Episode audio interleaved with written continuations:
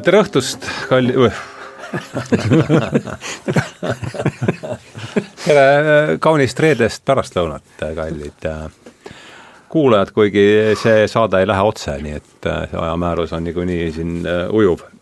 aga eetris on igatahes Tähenduse teejuhtide kahesaja kümnes vestlusring. ja taas on suur rõõm tervitada siis kahte saatekülalist, tere tulemast, Henn Käärik. Tervist tere tulemast, Tarmo Kroos! tervist! me oleme selles, küll mitte päris selles, mitte päris selles stuudioruumis, aga aga Tartu Kuku raadio stuudios oleme saanud varemgi kokku, see oli neli pool kuud tagasi ja kokku tõi meid siis Vene äh, päritolu USA sotsioloog Pitirim Sorokin. ja kui me läksime, jutt meil siin klappis hästi äh, enne jaani just ja ja siis äh, jäi mõte, et tuleme mõne aja pärast Sorokini juurde tagasi ja, ja täna nüüd on siis äh, neli pool kuud hiljem on see päev saanud teoks, et et eks me kõik tuleme siin äh, oma mättaga erinevatesse eluepisoodidesse, see saade pole, pole palju erinev, et ma räägin siis oma, oma selgitan, mis mättaga mina sellesse saatesse tulen, et, et Sorokini ma, ja sellest oli juttu ka eelmisel korral, et Sorokini avastasin ma alles selle aasta kevadel Maini ülikooli emeriitprofessor siis sotsioloogias, Kyriakos Markides, kirjutas temast oma raamatus Vaikuse mägi, millest meil eile algas just EBS-is kursus, nii et tema kaudu on tema kaudu olen ma temani jõudnud ja eelmisel kor- ja just eelkõige Markides ütles, et et Sorokini epistemoloogilised vaated olid tema jaoks eriti olulised ja eelmisel korral me rääkisimegi noh, jutt käis nagu ikka siia-sinna, aga, aga paljuski oli, tõukus see Sorokini epistemoloogiast, et täna on meil vähemasti lähtekohaks on tema teine teos, mille nimi on äh, siis Power and Morality, võim ja moraalsus, mis moraalsused, mis aastal see oli, Karmo, oskad sa, millal ta selle kirjutas? me võime kohe viiskümmend üheksa ei olnud või? viiskümmend üheksa on välja tulnud, aga millal ta kirjutas, no eks ta natuke ühesõnaga jah, ma ütlen viiskümmend üheksa ja ka ta suri millal, kuuskümmend? kus, kaheksa minu meelest. kus vist oli jah, kuuskümmend kaheksa, jah? veebruaris minu meelest ei, tähendab kuuskümmend kaheksa, kuuskümmend kaheksa minu, minu no, meelest. kümmekond aastat enne, enne surma kirjutatud. Ja, ja ja kasutame seda siis sellise tõukepakuna üldse, et rääkida eliidist ja eliiditeooriatest ja mis, mis on see üldse see teemade, teemade ring seal, et äh, lähekski siit kohast lähekski siitkohast teed, et mõtle, et nüüd, esimene ring ei oleks mitte Sorokinist, vaid üldse eliiditeooriast, et mis on, mis need teemad seal on, et millega, millega tegeletakse, et kes on seal selles vallas olnud olulisemad nimed ja kuidas siis Sorokin nendest erineb, et see võiks olla nende esimeseks ütleme, saate esimeseks kolmandikuks võiks see olla niisugune sõiduplaan, et siis vaatame, mis edasi saab. ma ei tea, Tarmo, hakkame pihta sinust või? No nii, sa panid küll suure tüki ette kohe, et ja. rääkida eliidi te teooriast, et äh, suur tükk ette. no jah, et noh, ma arvan, et laias laastus, eks ta äh, paigutub äh, pol-, poliitilise sotsioloogia siis sinna harusse, mis huvitub ühelt poolt stratifikatsioonist, aga teis, teiselt poolt, kuidas siis see stratifikatsioon äh, Äh, väljendub äh, ebavõrdses äh, varade ja, ja, ja võimu jaotuses, eks ole, et et sellest valgusest või sellest mättaotsast on, on noh, klassikaline eliiditeooria siis kantud, et noh, et osad on võrdsemad kui teised ja võib-olla noh, tal on juured niisugused klassikute näol äh, Itaalia sotsioloogide äh, äh, juures nagu Pareto, Mosca, Mitchell, et, ähm, et nad nä-, püüdsid esialgu näha seda kes oli kolmas, ütle palun veel? Robert Mitchells Mitch-? Mikkels itaaliapäraselt, sest ta oli, töötas Itaalias ja saksa pärast Michels. aga itaallased ütlesid Mikkels, jah, sest ta oli mis see oli, Richard, Robert või? Robert minu Robert, jah. Robert, jah. et ta oli Itaalias mis see Michal, Michal, kuidas kirjutati, kuidas see saksa Michels, CH, jah, jah, et ta oli Perugias, oli, ta oli Mussolini suur sõber ja, ja Aha. siis itaallased, itaallastel millegipärast ei meeldinud see saksa hääldus, sest nad panid lihtsalt ühesõnaga Roberto Mikkels nii, aga aga noh, selles mõttes, et äh, nemad suuresti nägid seda ühelt poolt paratamatusena, et noh, see äh, võim koondub äh, üksikute kätte, noh, me võime sellest detailsemalt rääkida, aga teiselt poolt nad nägid seda ka positiivistlikuna, nagu et, et nad uskusid, et seda saab siis ka moodsate teaduslike vahendite või, või aparatuuriga nagu, nagu näidata, et et noh, ühtepidi oli ta, tundus ka neile loogiline, et kõik ei saa ju üheaegselt juhtida, et, et kui on inimkollektiiv või organisatsioon, siis äh, informatsioon ja, ja võimekus äh, koondub äh, üksikute kätte ja, ja organisatsiooni tahes või tahtmata siis võib-olla juhivad võimekamad ja, ja paremini informeeritumad noh, Pareto lisas sinna muidugi vürtsi sellega, et defineeris eliidi kui ükskõik mis eluvaldkonnast Äh, esindajate äh, nagu paremiku näol, et, et noh, niikaua kui jutt käib võib-olla niisuguse tavapärase, moodsas tähenduses äh, tavapärase eliidi esindajate majandus- või, või poliitika või kultuurieliidist, et see kõik tundub loogiline ja aktsepteeritav, aga noh, ta ei piirdunud sellega, et tema niisuguse definitsiooni järgides võiks öelda, et parim pätt on ka osa eliidist ja, ja kõige parem rongijuht oma valdkonnas võiks sinna kuuluda või, või, või torulukksepp. Et noh, see võib-olla tundub äh, meile tänases kontekstis noh, natukene väär, aga aga noh, jällegi mille, mingi piirini, eks ole, et kui sa oled kõige parem ajakirjanik äh, ühiskonnas, siis miks sa ei võiks olla osa eliidist või või midagi sarnast, et ähm, ühesõnaga Paretol siis iga, iga, iga eriala tippud olid siis osa ma räägin sellest pärast natuke lähemalt.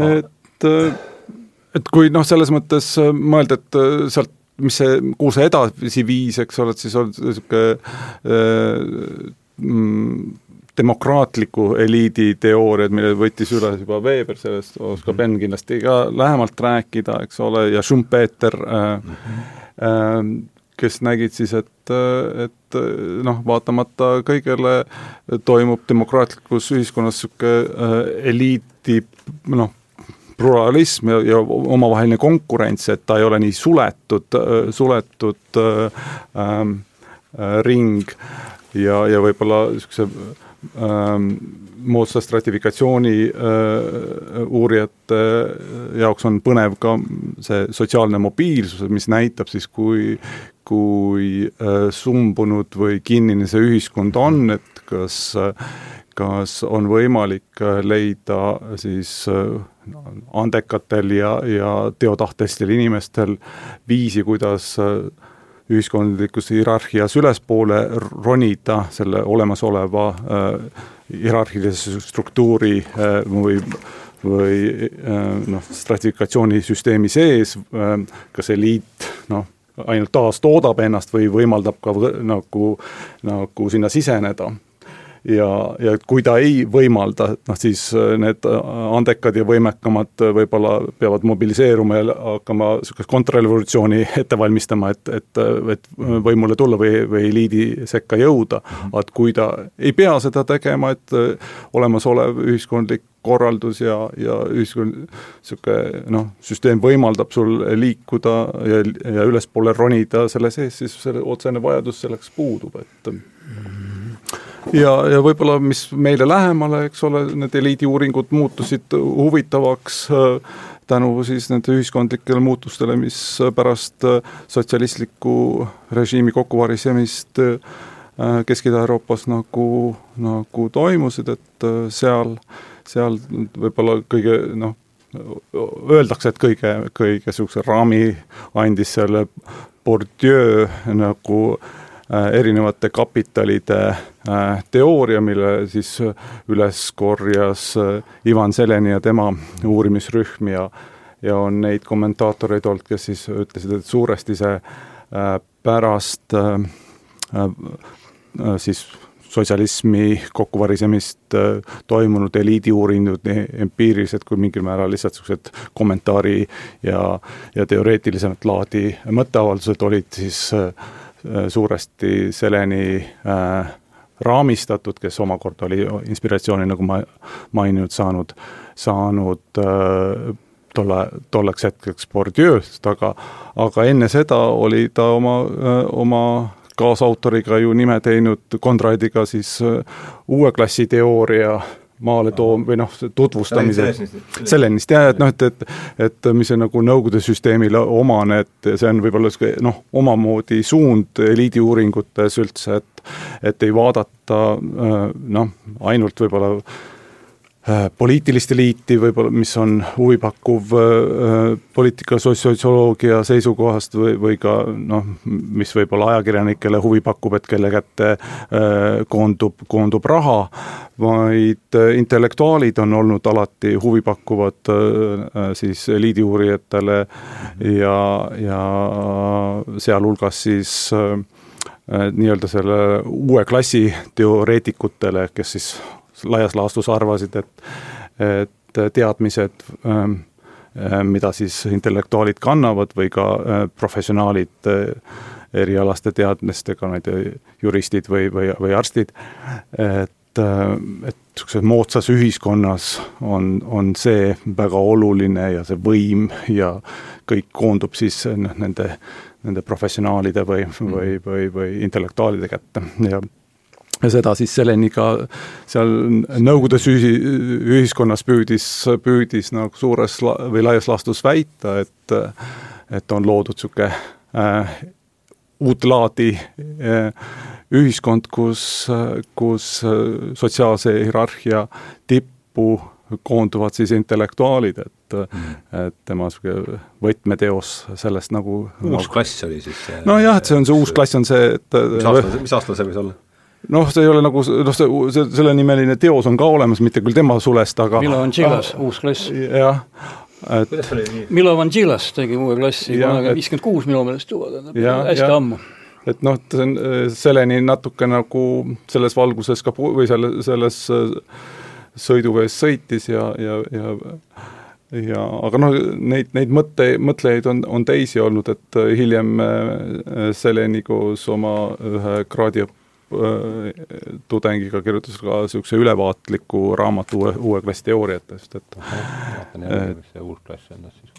noh, see mõte on seal see, et kui, kui sa mõtled niisugune äh, klassiühiskonnale, mille, millest, mida kirjeldas äh, Marx ja, ja mingil määral Weber, aga, aga peamiselt Marx, eks ole, et see, see positsioon ühiskonnas määratakse su majandusliku vara või, või jõukuse abil, eks ole mm, -hmm. et äh, siis uue klassi teooriad püüavad tuua sinna noh, teisi aspekte, siis noh, nii nagu sai mainitud, äh, mainitud äh, seda intellektuaalide näol, teadmiste või hariduse Aha. olulisust. see oli see Jugoslaavia. just, just. jah, jah, jah, meil on see. et ähm, et noh, seal Nõukogude süsteemis ta võttis veel niisuguse parteilise vormi ka, et, et noh, see tegi selle, selle äh, lugemise nii, nii noh, põnevamaks võib-olla, või kuidas öelda, meile kõnekamaks. no lihtsalt, väga lihtsalt öeldes, Tšilas võttis aluseks Marxi ja vaatas Nõukogude Liitu, mis Aha. seal sünnib. ja kokku tuligi siis uus klass, see on siis mida mida Vaslenski hiljem nimetas nomenklatuuriks ja nii edasi ja nii edasi, tähendab, see puhtalt marksistlik analüüs ja, ja pluss siis empiiriline materjal, Nõukogude materjal, mis selgus, et on olemas täiesti võimalik Marxi kohandada Nõukogude Liidu Nõukogude Liidu äh, sotsiaalpoliitiliseks analüüsiks ja selgus, et on olemas täiesti uus klass mm. -hmm see on siis see nomenklatuur? Vasenski tegi teatavasti nomenklatuuri, aga lihtsalt uus klass, kellel on äh, monopoolne mitte omandiõigus, aga kasutus, haldusõigus põhiliste tootmisvahendite üle äh,, põhilised massikommunikatsioonivahendeid ja nii edasi nii edasi, ühesõnaga totaalne kontsentreeritud võim mm. -hmm nii et äh, kui Marx, siin on väike erinevus tuleb sisse, et kui Marx eeldas, et noh, majanduslik võim äh, on kõige tähtsam, siis Nõukogude Liidus ei läinud seda vaja, sest see uus klass, sellel oli nagunii käsutusõigus, formaaljuriidiliselt ta ei pidanudki üldse omanik olema, see oli nagunii tema oma. Haldusõigus, absoluutne haldusõigus ja kasutamisõigus. nii, aga kus me nüüd siis äh,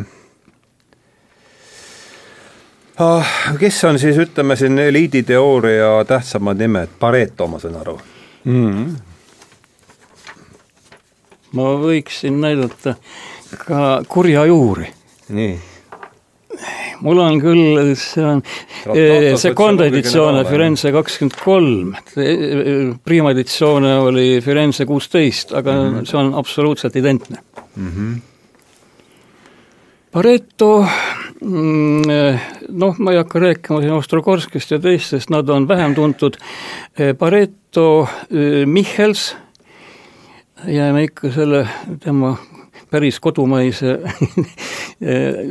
nime juurde ja Moskva, Moskva. mis on Moskva eesnimi nüüd? Gaetano. Gaetano. Moskva on huvitav tüüp, et see tähendab ühtlasi ka kärbest ja Moskva on itaalia keeles ka Moskva. ahah ja ta on selles mõttes, tähendab noh, aga mitte ainult selles mõttes, see on huvitav persoon. nii, aga võtame siis, võta,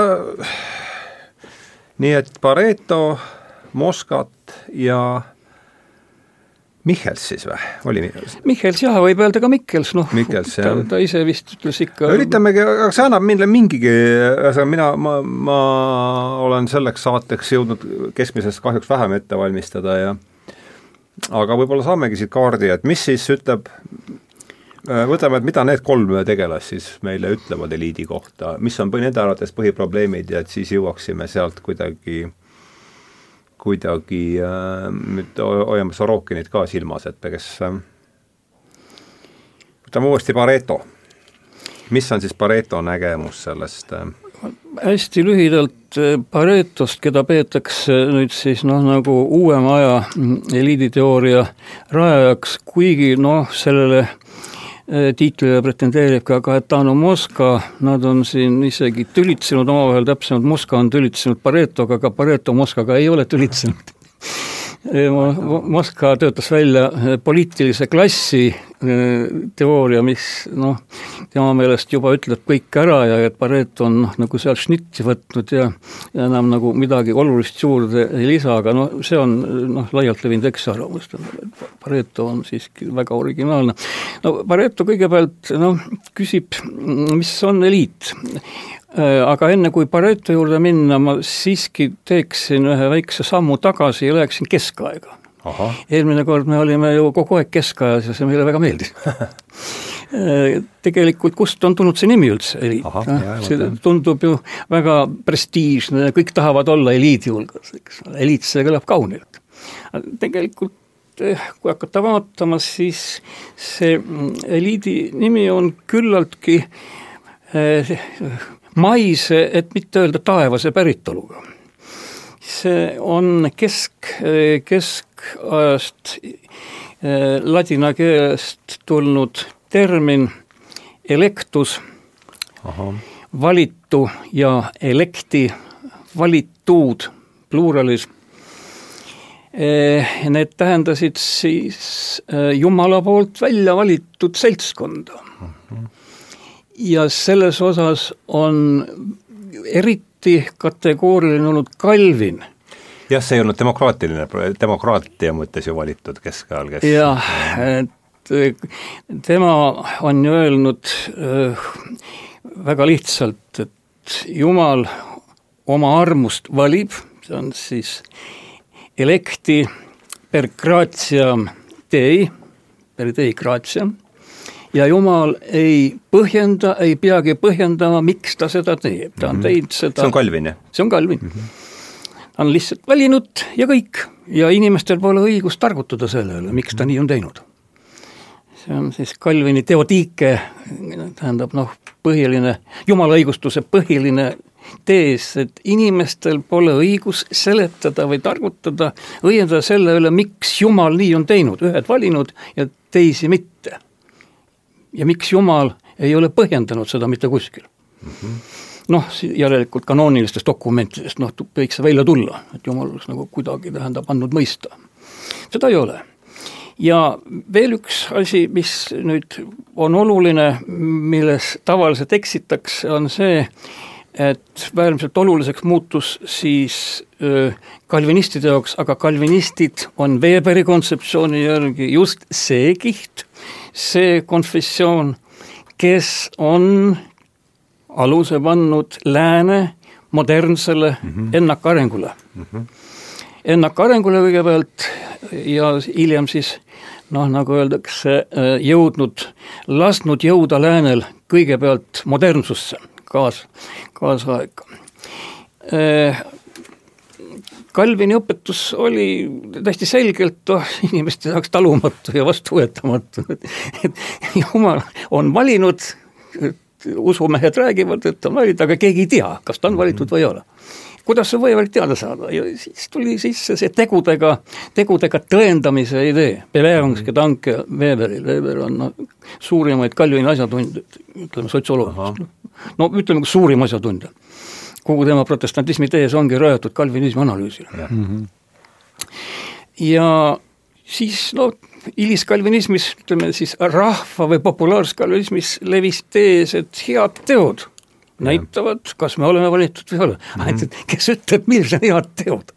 seda mitte keegi ei saa, Kalvin ise ütles, et mitte keegi ei tea, kas ta on teinud häid tegusid või mitte, sest äh, häid tegusid saavad teha ainult need, kes on valitud. Aga keegi ei tea, kas ta on valitud järelikult ta ei tea ka, kas ta teeb häid tegusid, kui ta pole valitud, ta võib teha enda arust nii häid tegusid kui tahes, aga tegelikult sellel pole mingit tähtsust. nii et kehtib tees, et mitte head teod ei tee inimest valituks Jumala silmis, vaid valik võimaldab teha, Jumala poolt teostatud valik võimaldab teha häid tegusid mm. -hmm.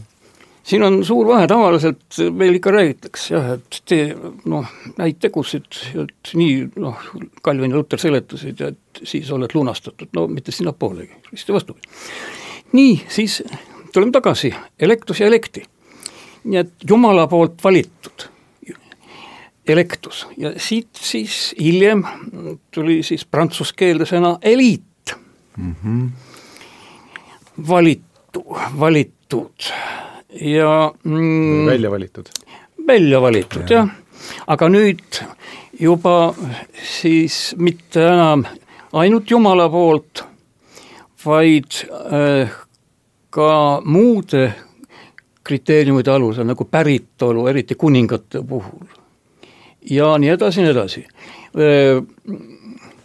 korraks tulen tagasi veel selle tõendamise idee juurde, et tõendamist, heade tegude puhul pidi mm, olema äh, hiljem tähtis ka mitte niivõrd ain-, või siis ütleme ainult, kas inimene teeb häid tegusid, vaid kas ta on edukas. vot see oli nüüd see tõeline mootor, üleminek headelt tegudelt edukatele tegudele, mis pani siis lääne ehk siis oksidendi see on Weberi, eks ole, see no, nii palju, kui mul on meeles sellest ja, asjast. jah, jah, no minu tõlgendus küll Weberist mm. -hmm aga Weberit annab nii tõlgendada küll ja küll. ja, ja, ja seda edukust pidi näitama siis ka jõukus ja mm -hmm. veel enne enne kui lääs jõudis siis teistest ette oma arengus, oli juba see tõendamise idee olemas ka slaavi rahvastel. aga väga huvitaval kombel, et jõukus näitab, kas sa oled Jumala poolt valitud või mitte, vaatame, mida tähendab, kuidas kõlab sõna rikas slaavi keeltes, vene keeles bog bogatõi mm -hmm., poola keeles bog äh, bogatõi Äh, tšehhi keeles poh, pohati. nii et rikkus, äh, siis kuninglik päritolu, edukus, need kõik hakkasid tähendab eri usundite, ütleme konfessioonide ja eri, mm, eri riikide puhul hakkasid nagu kokku sulama üheks, et kes on valitud, see, see selgub nagunii ühel või teisel viisil mm. -hmm Karmo pole ammu kuulnud sinu nurgast midagi, et äh, tahad ja ma huviga kuulan, mida, mida Enn äh, ilusasti taustaks äh, räägib, selles mõttes, et tahad sa lisada midagi või? no selles mõttes ma saan aru, et ta teeb seda, et sissejuhatada selleks, et, et Paretoni jõuda, et mm -hmm. no jaa, ma mõtlesin, ma läheks natuke tagasi, et mitte see, kust see sõna on tulnud, see prestiižne sõna eliit mm. -hmm. tavaliselt ei teata mm, -hmm. lihtsalt ma, ma olen elitaarne küll, tähendab, ma ei tea, miks ma olen, tähendab, kust sõna tuleb mm. -hmm. Ja ma olen välja valitud, sellepärast ja, peagi teadma. et niisiis, jumalik valik kõigepealt, millele siis teised äh, valikud, nagu ütleme siis päritolu ja kõik muud asjad tulid juurde, ja nüüd siis päris uuel ajal on siis tegemist sellega, et kodanikud valivad, mitte enam jumal ei vali, vaid kodanikud valivad. ja nüüd siis äh, äh, võib-olla, et mitte minna väga teemast kõrvale, võiks siis tulla nüüd siis Pareto juurde tagasi. E, Pareto e, tõepoolest, nagu Karmo siin juba ilusti ütles, lähtus sellest, et inimesed ise oma tegudega mõõdavad oma võimekust. kui sa oled võimekas mingil alal, siis sa oled justkui enda poolt valitud eliiti. ja Pareto oli, tundub endaga väga rahul, kui ta selle lihtsa asja kirja pani ja siis jäi mõtlema ka poliitilised eliidid.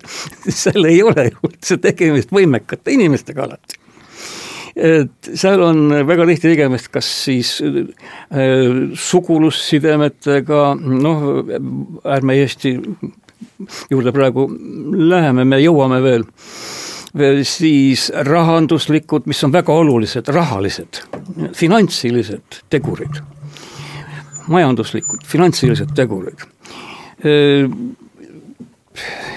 sotsiaalne kapital, tutvused, kõik muud niisugused asjad. et üldse ei pea olema poliitilises eliidis, ei pea olema võimekad. Pareto siis jagaski, tähendab, eliidid kaheks noh, eliit on tema, ta ei kasuta sõna eliit, ta kasutab, mm, kasutab itaalia keeles mm, varianti la classe eletta ehk valitud klass. ja siis ta jagab selle valitud klassi, la classe eletta jagab ilusti kaheks lõpuks. La classe eletta di governo, et see on siis äh, äh, valitud ja valitsev klass Classeletta di Governo ja, teine klass äh, või teine, ütleme mm, siis kiht, ka valitud, aga siis eeskätt loominguline intelligents mm. -hmm. et need on siis sellised, kes on ka valitud, aga mitte nüüd enam siis kodanike poolt, mitte enam poliitiline eliit, vaid nad on oma tegevusega ennast ise valinud, ennast ise mm, nagu maksma pannud ja see on siis, et mm, mitte, mitte valitsev valitud klass mm. -hmm.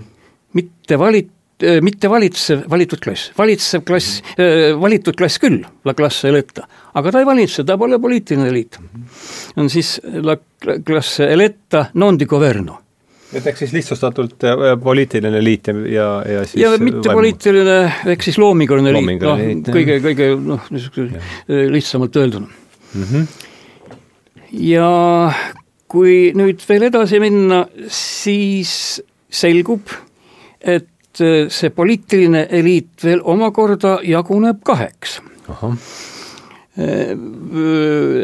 valitsev eliit jaguneb kaheks, on kahte tüüpi poliitilised eliidid. on eliidid, kus domineerivad siis e-, emarebased, la volpe le volpi. Vot inglise keelde on tõlgitud lihtsalt fox'is, aga Paretol on la volpe le volpi. nii et sugu tuleb juurde ja see mm -hmm. minu meelest tähendab ka midagi ma ei taha küll poliitiliselt mittekorrektseks, aga Paretol nii on. -hmm. ja teine eliiditüüp on siis isalõvide, isalõvide eliit. sa räägid nüüd poliitilisest eliidist, jah? jah mm, -hmm. nüüd on siis need kaks poliitilist mm, -hmm. ütleme Aha. siis alaeliiti. et poliitiline eliit omakorda jaguneb siis emarebaste eliidiks ja isalõvide ehk siis hmm. il leone, il leoni, niimoodi ja nende vahel toimub pidev tsirkulatsioon. emarebaste eliit äh, on äh, märkimisväärne selles mõttes alati olnud, et seal on suhteliselt hea elada kuni teatud ajani. seal on suhteliselt palju vabadusi, seal võib nokka plagistada, keegi ei pane sind kohe kinni selle eest. Äh, majandus on suhteliselt heal järjel aga see on ainult teatud hetkeni, sest emarebastel on kombeks hakata valskust tegema, nad korrumpeeruvad. Ja ühel hetkel kõik see, mis on emarebaste eliidi valitsemise alguses kõik ilus ja kena olnud, lihtsalt hakkab hääbuma ja rahvas hakkab nurisema. elatustase langeb, korruptsioon lokkab, ma ei taha jälle Eestit üldse praegu veel näiteks tuua siin, sinna me jõuame. Ja siis kerkib, kerkib nüüd küsimus, mille Tarmo siin ka viitas, nüüd siis sotsiaalse mobiilsuse, täpselt poli-, sotsiaalne mm -hmm. poliitiline mobiilsus. kui nüüd see ema rebaste eliit ei suuda endas absorbeerida võimekaid isalõvisid, kellel on mm, komme kasutada jõudu äh, ja naha peale anda, äh, ja üldiselt kaasneb siis nende mm, võimuga tavaliselt ka nii-öelda siis tsentralisatsioon, kui ema lõvisid, siis nõustub siis detsentralisatsioon, siis ja rebaseid siis? ema rebaseid, jah pidevalt tudengitele rääkisin ka, lõpuks ma jõudsin ikka, tähendab ema lõvideni et mm, see isa lõvide eliit on siis Äh, niisugune kõva käe, kõva käe esindajad. Ja kui nüüd ema rebased ei suuda kõva käe esindajaid ehk siis isa lõvisid piisavalt tuua oma valitsusse või üldse valitsusstruktuuridesse, siis võib tekkida revolutsioonne situatsioon no see on see kõik libera-, liberaalsete demokraatiatega allakäigu mingi niisugune teise nurga alt vaadates või? ja kui selline võimalus siiski on, et võetakse, võetakse nii-öelda i, i-eliiti kuuluvaid persoone, võetakse, võetakse ka äh,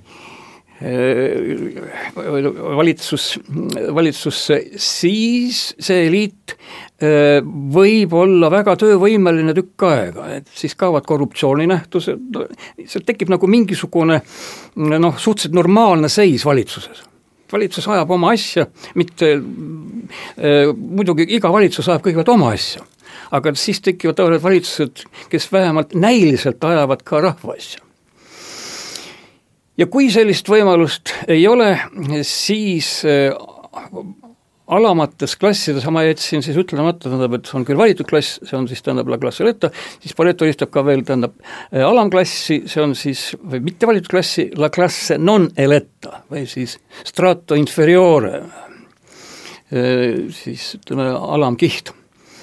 Et siis sealt kerkivad esile sellised isalõvid joontega persoonid, aktiivsed persoonid, kes moodustuvad eh, mm, teatud rühmaks või parteiks ja lihtsalt revolutsioonilisel teel haaravad võimu mm. -hmm.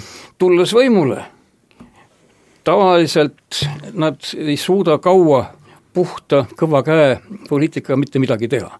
Ja hakkavad vaikselt sisse tooma emarebaseid mm. -hmm. aga emarebastel on komme paljuneda et kui juba üks emarebane on valitsuses, siis varsti on nüüd seal kuujaga. ja lõpuks siis on hoidnud aga ta kasutab siis sellist äh, dünaamikat, selle, see on Pareto siis? jah, see on Pareto. väga huvitav. see on sul, Karmo, ka seal meeles niisugune asi või? ei no mul tuleb need detailid vaikselt meelde, ma ei ole nüüd tükk aega äh, Paretoga selles mõttes tegelenud. see on hästi lihtsustatud skeem, sest ma ei hakka minema detailidesse, sest see aga selles mõttes Pareto on, on, on ju huvitav persoon mitte ainult äh, sotsioloogia äh, ja, ja siis ühiskondliku mõtte ja eliidiuuringute seisukohalt täpsemalt, aga ta on jätnud ju olulise märgi maha ka mikroökonoomikas. ja, ja mina olen seda seda, seda poolt temast Pareto optimum. Pareto optimum. ta on insener ju tegelikult haritud, matemaatik. ja, ja ja noh, sealt ka, kui ma enne mainisin, et klassikaline äh, eliiditeooria ju püüdles püüdles justkui niisuguse positiivismi poole, et noh, see, see, see on Pareto tee, no osaliselt kindlasti Pareto ja ma mõtlesin just, et Pareto on niisugune posi-, ta, ta on ikkagi positiivistiks peab seda pidama. just, et noh, ta lähtus või, või, või, või suhestus ühiskonna uurimisse, nii nagu insener noh, insenerid võiks oodata, et et sa ei, sa usud, et seda, seda, neid teoreetilisi postulaate või noh, niisuguseid äh, hetkel võib-olla natuke äh, muhedust tekitavaid mõtteid äh, saab tõeliselt siis nagu teaduslike meetoditega uurida ja, ja seda, seda kõike näidata, noh, kõige lähemale on jõudnud see, sellele ilmselt, on, on jõutud sellele ilmselt tema pärandi tõlgendamisel mikroökonoomikas, eks ja. ole, aga, aga noh, see püüe ka, ka siis eliidiuuringutes hiljem seda, seda, mida klassikud maha jätsid, teha, ei ole kuhugi kadunud ikkagi, noh, selles on, see on pigem ikkagi niisugune legitimiseerimise viis, viisiks saanud mm, -hmm. et ähm, um tahtsid lisada veel midagi? ei, ma ei, noh, mõte, mõte jäigi hetkel aga ma ei tea, kas me, kas me läheme veel Pareto poole või liigu-, meil siin kell, me peame kellale ka tähelepanu puutuma, võtame Pareto kokku, liigume edasi Moskati poole või? võtame need kolm siis enne ega ei ole mõtet Paretost kaugemale minna, tähendab Michelsi, Michelsi juurde ma tulen nagu aga Mosk-, Moskatist räägime midagi või? ei, Moskva. aa, Moskva? jah ei, ei ole mõtet. ega tal ei ole, temal on üks ainus idee, mis on äh, oluline, seda võib kokku võtta ühe või paari lausega äh,, iga poliitilise ehk valitseva klassi liige äh,, üksikliige on jõuetu massi vastu mm, -hmm. aga ta ei ole mitte kunagi üksi, vaid organiseerunud ja -hmm. organiseerunud poliitilise klassi liikmed on alati massist üle mm -hmm.. noh. kõlab ka usutavalt. jah. mis on noh, organisatsioon on kõige tähtsam, organisatsioon. mis massi alati iseloomustab, on killustatus mm, -hmm. fragmenteeritus, igaüks ajab oma asja, neil ei ole isegi võimalust organiseerida, pannakse kinni kui nad hakkavad, no organiseerida on võimalik küll, aga kui nad juba organiseeruvad ja muutuvad, nagu öeldakse, ka teoreetiliselt tõsiseltvõetavaks, siis nad ei ole, tähendab, enam ju massi ja, nähtus. siis nad on juba seal va vahepeal, midagi vahepealset. Nad on, moodustavad, tähendab, potentsiaalse eliidi. noh, isa, isa lõid, jah. Ei noh, lihtsalt nii palju lisada, et et, et Moskva jaoks see eliidi olemasolu on justkui möödapääsmatu või, või paratamatus, et et mm, -hmm. et ta on niisugune noh, see natukene ka haakub niisuguse positiivistliku lähenemisega, et see on niisugune universaalne inimühiskonna ja, ja, ja mingisuguse organisatsioonidesse koondunud inimtegevuse paratamatus, et mis ei kõla ka väga otsitult. jah, ja kui, kui tahad noh, mingisugust niisugust sarnasust leida hilisema Marxi mõtetega, et noh, siis Moskvat on ka nagu ümber sõnastatud, et et kogu inimkonna ajalugu on valitsevate klasside ajalugu, et mm -hmm. või eliidi ajalugu, noh selles mõttes, et mm -hmm no Marx ja tema järel ka Lenin on ju ilusti öelnud, et ega siis proletariaat on ju pime. ja teadmine, teadvus tuuakse neile sisse väljaspool kodanliku intelligentsi progressiivse osapoolte no sellega on kõik öeldud. aga ega ainult Moskva Veber Moskva eluaastat veel palun umbes? kas ta ei olnud surnud mitte tuhat üheksasada nelikümmend üks, aga Aa. kuna ta sündinud oli, kas see ajab asja ära enam, et ma tean, kus ta see tuhat üheksasada üheksa sündinud oot-oot-oot, oot-oot-oot-oot-oot-oot-oot, vabandust, vabandust, tuhat kaheksasada viiskümmend kaheksa sündinud ja, ja nelikümmend üks surnud. ja, ja mul viiskümmend kaheksa jah, jah, jah. ja Pareto oli, vaatame selle ka üle jah, hea küsimus. kakskümmend kolm peaks olema ta surnud ja tuhat kaheksasada kolm, nelikümmend kaheksa järsku sündinud. paneme. Wilfredo Pareto on nelikümmend kaheksa, kakskümmend kolm, täpselt nii. no siis sobib. saame aru. huupi tuleb, huupi tuleb panna ikkagi, mõelda ei ole huupi täpselt või umbes täpselt? ei ole kaua. Nad on enam-vähem ühest, äh, ikkagi ühest põlvkonnast pigem. et see, mis nüüd Karmo ütles Moskva kohta, ega see ei ole ainult Moskva. see on väga õige, aga näiteks Weber on ju öelnud, ega siis teemos liigendamata massi tähenduses ei suuda ennast kunagi ise valitseda, tähendab. vaid et tema võib selekteerida ainult valitsemise viise tema enda üle ei no selle kohta on ka kommentaatorid öelnud, et võib-olla nii Weberis kui Schumpeteris ei, ei, unustati ära või ei osatud näha seda eliiditeooria alget, et mis sinna on nagu peidetud, et noh, Weber no ütleme niimoodi, et Weber on eliiditeooriast natuke kõrval, aga ta noh, ütleme niimoodi, et mõnes mõttes Michals on siiski tema õpilane ja ka see Michalsi klassikaline töö, tähendab, Die Soziologie des Parteiwesens, selle esimese Auflage mm, pühendas Michals ju Weberile. nii et nad olid head sõbrad, aga kusagil pärast tekkis mingi nagu pahandus nende vahel ja Weberile väga ei meeldinud mõned, mõned Michalsi väited, aga see ei ole enam tähtis praegu. see on juba, ühesõnaga need on nüansid no tea, me räägime Weberist selles kontekstis ma vaatan, et äh, Michals on siis seitsekümmend kuus kuni tuhat üheksasada kolmkümmend kuus. jah, täpselt, täpselt, täpselt mm. -hmm. aga lähme siis, aga lähme siis siit edasi Michalsi juurde, siis jääb meil ütleme mingi tunnike veel toome siis kusagil tunni möödudes Sorokini mängu, et et kumb tahab Michelsist alustada, mis tema siis, mis me temast teame? Karmo on siin ilusti rääkinud ja mina olen siin natuke täiendanud, et ega ma ei, ei tahaks ühesõnaga seda sul tuleb see hästi välja ka meil läheb see kolme peale läheb minu arust pärast väga kenasti praegu. kolme peale tuleb üks kokku. ma ei ole ekspert, ma ei ole küll ekspert, aga mulle tundub, et meil läheb praegu päris kenasti nii, Karmo, aga tee ots lahti Michelsiga. noh, tema kõige suurem pärand meile on äh, midagi, mida tuntakse oligarhia raudne, raudse seaduse all. see on tema jah, sellest olen isegi, oligarhia raudne seadus. Das eherne Gesetz der Oligarchie. Das mm. eherne Gesetz der Oligarchie mm. -hmm. mitte eiserne, vaid eherne. ahah.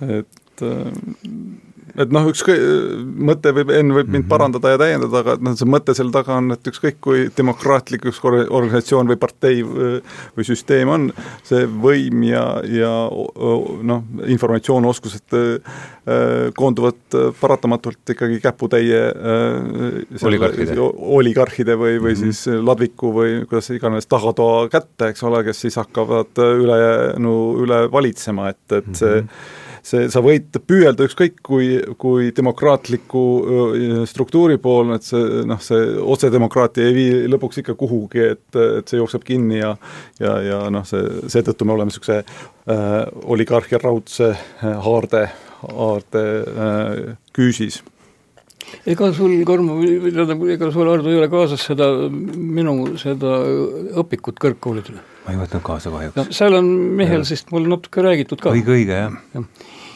aga, aga tähendab, ma nüüd segasin vahele, Karmul ei, no me, mis seal, mis seal nagu segada, et, et et noh, kui me kas või mõtleme moodsate organisatsioonide peale, kellega meil on kõigil noh, nii kuulajatel kui, kui meil siin stuudios olijatel mingisugune side, et noh, et ei ole ju raske, raske selle, selle mõttega äh, äh, nagu kaasa minna ja, ja leida, et seal on, on kindlasti mingi, mingi iva, et mm -hmm. Aga sa parandasid siin, mitte Eiserne, vaid e ei, Eherne, Eherne kirjutatud. jah, kuidas, mis see tähendas, ma ei mäleta seda sõna. see on oligarhia raudne seadus. jaa, aga, aga saksa keeles Eisern ja, ja Eisern on siis nagu otsene tõlgeks, Eisen on, tähendab raud, äh, raud, aga Eherne on, tähendab ka raudne. Eherne, das mm. Eherne, Gesetz der Oligarchie mm. -hmm. Nii et äh, Eiserne kõlaks hoopis paremini, tähendab, see on nagu raske isegi mm, -hmm. raske tavakodaniku jaoks välja öelda, tähendab, natuke liiga saksapärane. Das Ehrene Gesetz der Oligarchie. ja ka lisa siis palun äh, Michelsi kohta, tundub olevat huvitav, tundub olevat huvitav karakter. tema põhiline töö, mis meid huvitab, ongi siis äh, äh, die Soziologie des Parteiwesens ehk siis lihtsalt parteisotsioloogia, noh, võiks tõlkida eesti on tõlgitud ka lihtsalt kui poliitilised parteid. jah, jah, inglise keelde on political parties tõlgitud, tähendab, ja noh, noh, inglise publikule tehtud mm., see on nagu no, suupärane. see kõlab väga huvitava sellise pealkirjana, et millest see raamat kirjutab meile sakslastel väga tihti on, lõpus on veesen, see on nagu asjandus, partei asjandus, no aga eesti keelde ta ei sobi. lihtsalt partei sotsioloogia mm.. partei asjavärk, noh, asjandus, no jah, veesen.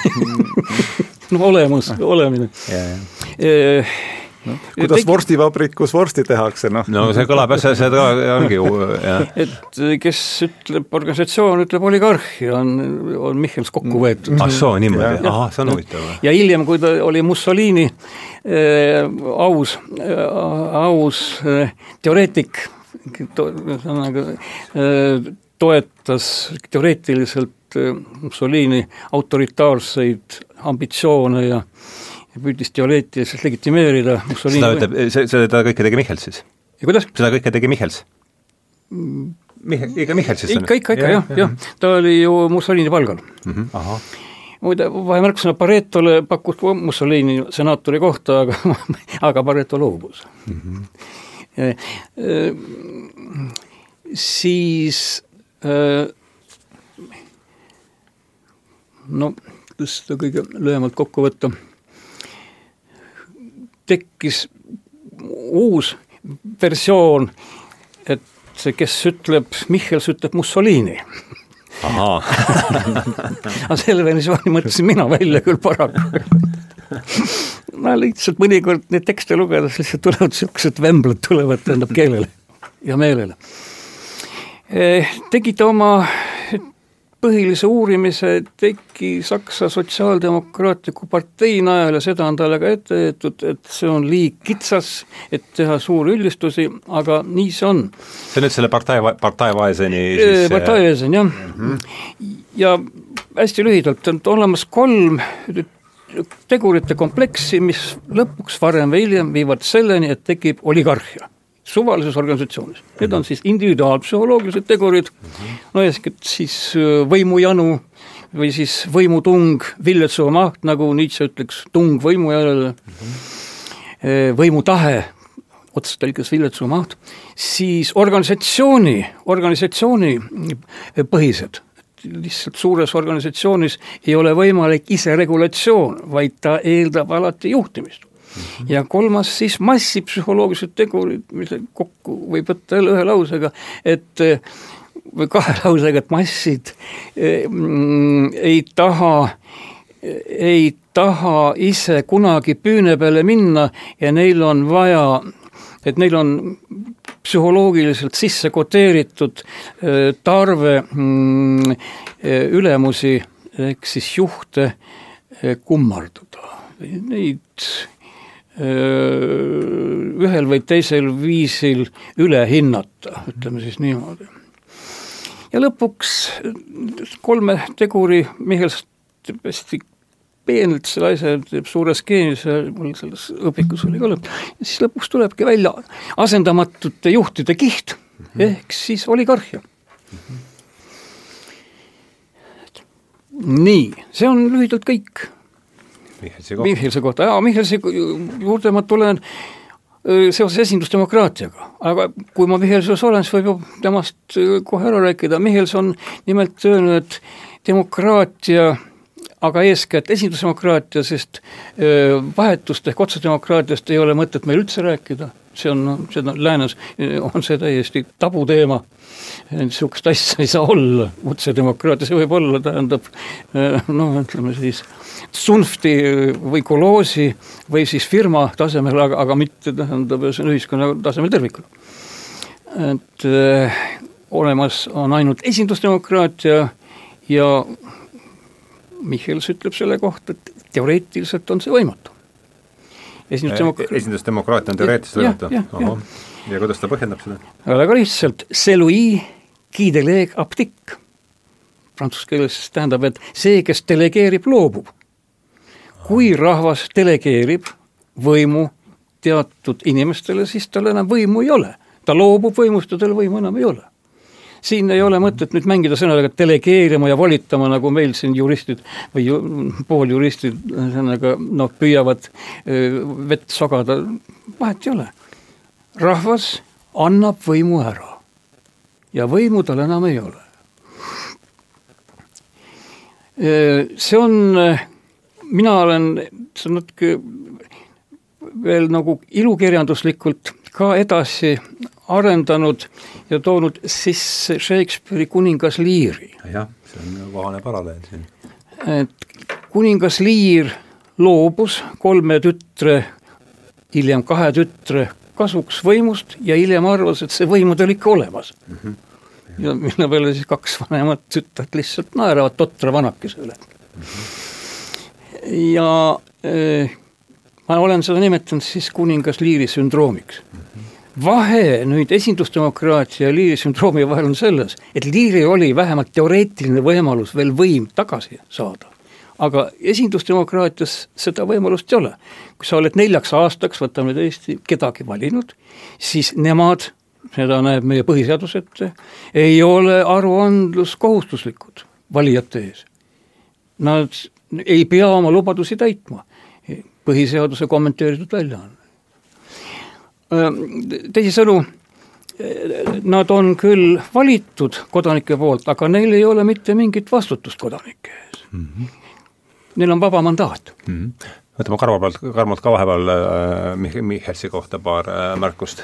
ei no ma ei, selles mõttes ei oska siia suurt midagi äh, lisada, ma teda nii lähedalt äh, kunagi või noh, võib-olla siis, kui, kui, kui, kui kunagi pidi, pidi koolitükke tegema, sai, sai teda äh, natuke äh, lähemalt loetud. aga kellele sa tegid koolitükke kool, no Hardo enne küsis, äh, äh, kellele, kellele sai tehtud, et äh, noh, otseselt ma ei teinud küll Andreas Bozokile, aga, aga kuna tema oli tol ajal, kui ma Budapestis õppisin vaheaasta pidamas, siis tema mhm. üks endine, endine kraadiõppur oli otsa üle võtnud, et kuulajale ütle ilmselt see Andreas Bozoki nime kuigi palju, aga tegemist siis Ungari päritolu äh, äh, poliit-, poliitilise sotsioloogiga, kes on noh, uur-, noh, huvitub, huvitub eliidist ja eliiditeooriast ja poliitilisest äh, sotsioloogiast laiemalt, et on nii mõnegi mõnegi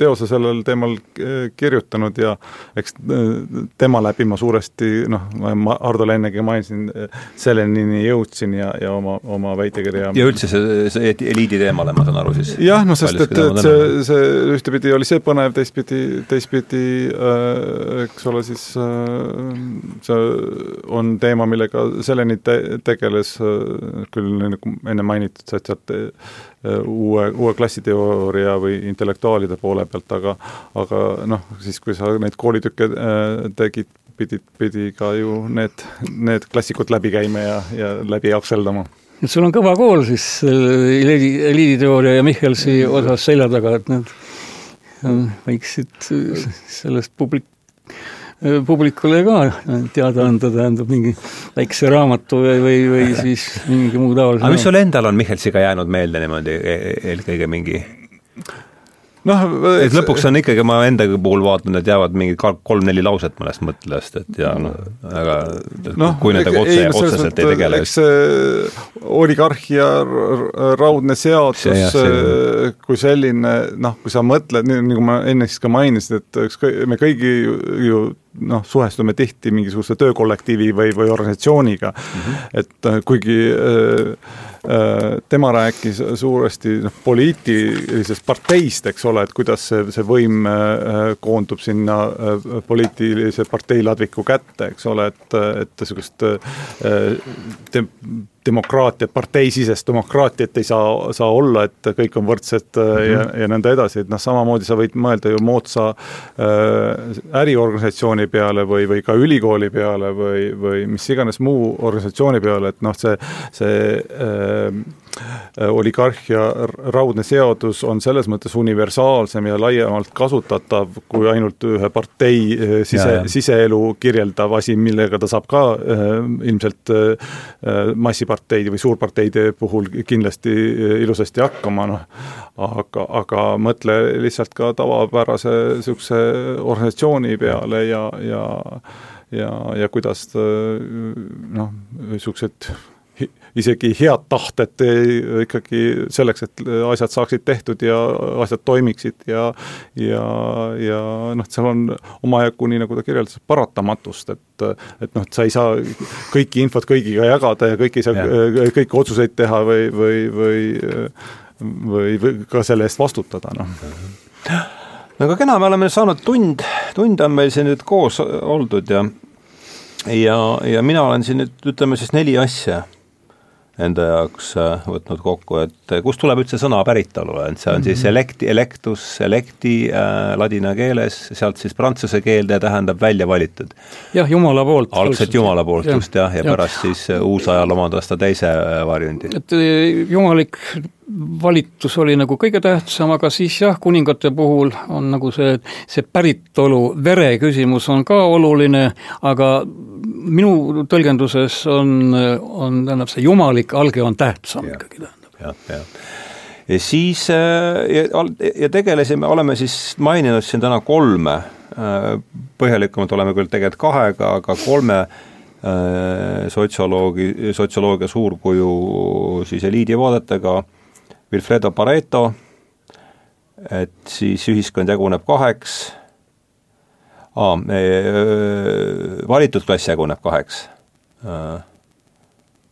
see on siis valitud, valitud ja valitsev klass on poliitiline eliit ja mm -hmm. mitte, või siis ütleme, loominguline eliit. ja, jah ja. ja omakorda poliitiline eliit, seal tuli siis see eba, emarebaste ja, ja isalõvide mm. tuleb siis dünaamika. see, mille kohta Pareto ütleb, tsirkulatsioone. tsirkulatsioone. Delle klassi eletti mm. -hmm. et, et siis valitsevate eliitide vaheldumine, tsirkulatsioon. see oli jah, meeldejääv kujund ka. ja siis ütleb, oli Gaetano Mosca, jah mm., täitsa uus nimi minu jaoks ja et iga valitseva klassi üksikliige jääb alati massile alla, mis kõlab ka väga kuidagi loogiliselt ja tähtis on siis organisatsioon. ja eliidi olemasolu on paratamatu ja kogu aja, kogu inimkonna ajalugu on siis eliidi ajalugu olema siia kirja pannud. No nii ta on faktiliselt, kas ta nii peab olema, normatiivselt, seda me ei tea. see on omaette küsimus jah ja. ja sealt läheb edasi siis kohe Robert Michals, oligarhia raudse seadusega, et võim igasuguses, et organ-, Moskva ütleb, et organisatsioon, aga organisatsioon on vältimatu ja Michals ütleb, et organisatsiooni sees on oligarhia. kui nüüd väga lühidalt kokku võtta oma märkmete baasil, siis mina olen saanud sellise sellise, panna, sellise asja. panna kokku, ühesõnaga siis Moskva ja, ja Pareto, et siis äh, organisatsioon on paratamatu ja kes ütleb organisatsioon, ütleb oligarhia jah, see on siis kokku panna Moskva ja Michals? ei, Moskva ja Pareto. tähendab, Moskva ja, ja, ja, ja mina sain oma märkmete põhjal. ja, ja Moskva ja Michals muidugi, jah. Mhm, jah, jah.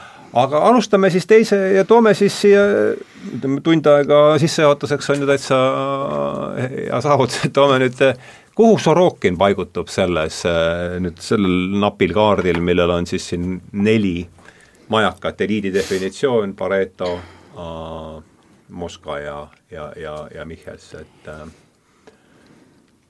et võta, võtame sealt. see on konksuga küsimus aga kes ütleb, et küsimusele ei pea konksu olema äh, muidugi äh, ühest küljest Sorokini jaoks on Pareto küllaltki suur autoriteet ja ma eelmisel korral mainisin, et tegelikult Sorokini tsükli mm, teooria on väga olulisel määral mõjutatud just nimelt Paretost. tuleb meelde küll, jah. nägime siin, et äh, äh, eliitide vaheldumine, poliitilised tsüklid, eks ole ju mm. -hmm. et detsentralisatsioon, emarebased ja tsentralisatsioon ja isalõvid. ja nende vaheldumine, tsüklid kogu aeg.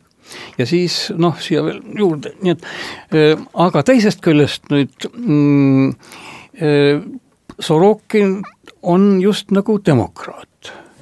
Et, et kuivõrd ta siin mm, materdab kõvasti neid valitsejaid, et see nagu iseenesest juba noh mm,, sunnib teda, kas ta tahab või ei taha, nolens volens, olema mm, teatud määral demokraat. ja vot ma tahtsingi nüüd küsida, et äh, sa vaatasid nüüd seda originaalteksti, kui tihti ta kasutab sõna eliit?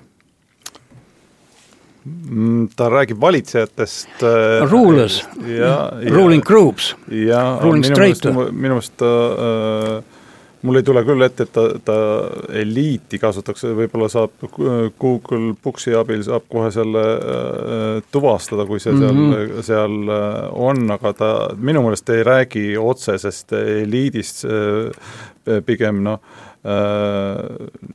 näiteks valitsevad, et äh, mul on täpselt sama mulje jäänud mm, -hmm. et ma sain küll võrgust ühe äh, väikese nii-öelda äh, väljavõtte kätte ja seal on kasutatud paaril korral, aga kuivõrd noh, see on väljavõte, siin on sõnastus võib-olla teistsugune, kui on originaalis, siis kahel korral ma nägin siin, et on kasutanud eliiti, eliidi mõistet. ja sõnad, mida ei kasutata, näitavad ka midagi. jah noh, ta kasutab ka sõna näiteks äh, guardians. Who are the guardians oli minu meelest. alapealkiri alapealkiri, eks ole.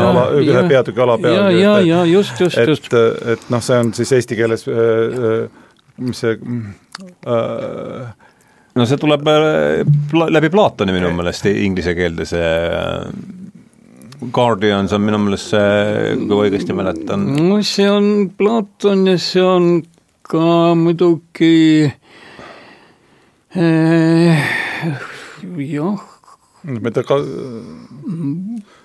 Bentham, Bentham ka, Bentham tuleb sisse. kes, kes? Bentham, Jeremy Bentham. ja, ja, ja, vot seda ma ei tea. muidugi Foucault ta kasutada ei saanud, aga Foucault on ju ka, et see on mingi türmi. selles, selles tõlkes, kus mina, mina, mis mina Politeiast lugesin, seal oli Guardian. jaa, on, on, Platonil on see, see on, see on nii.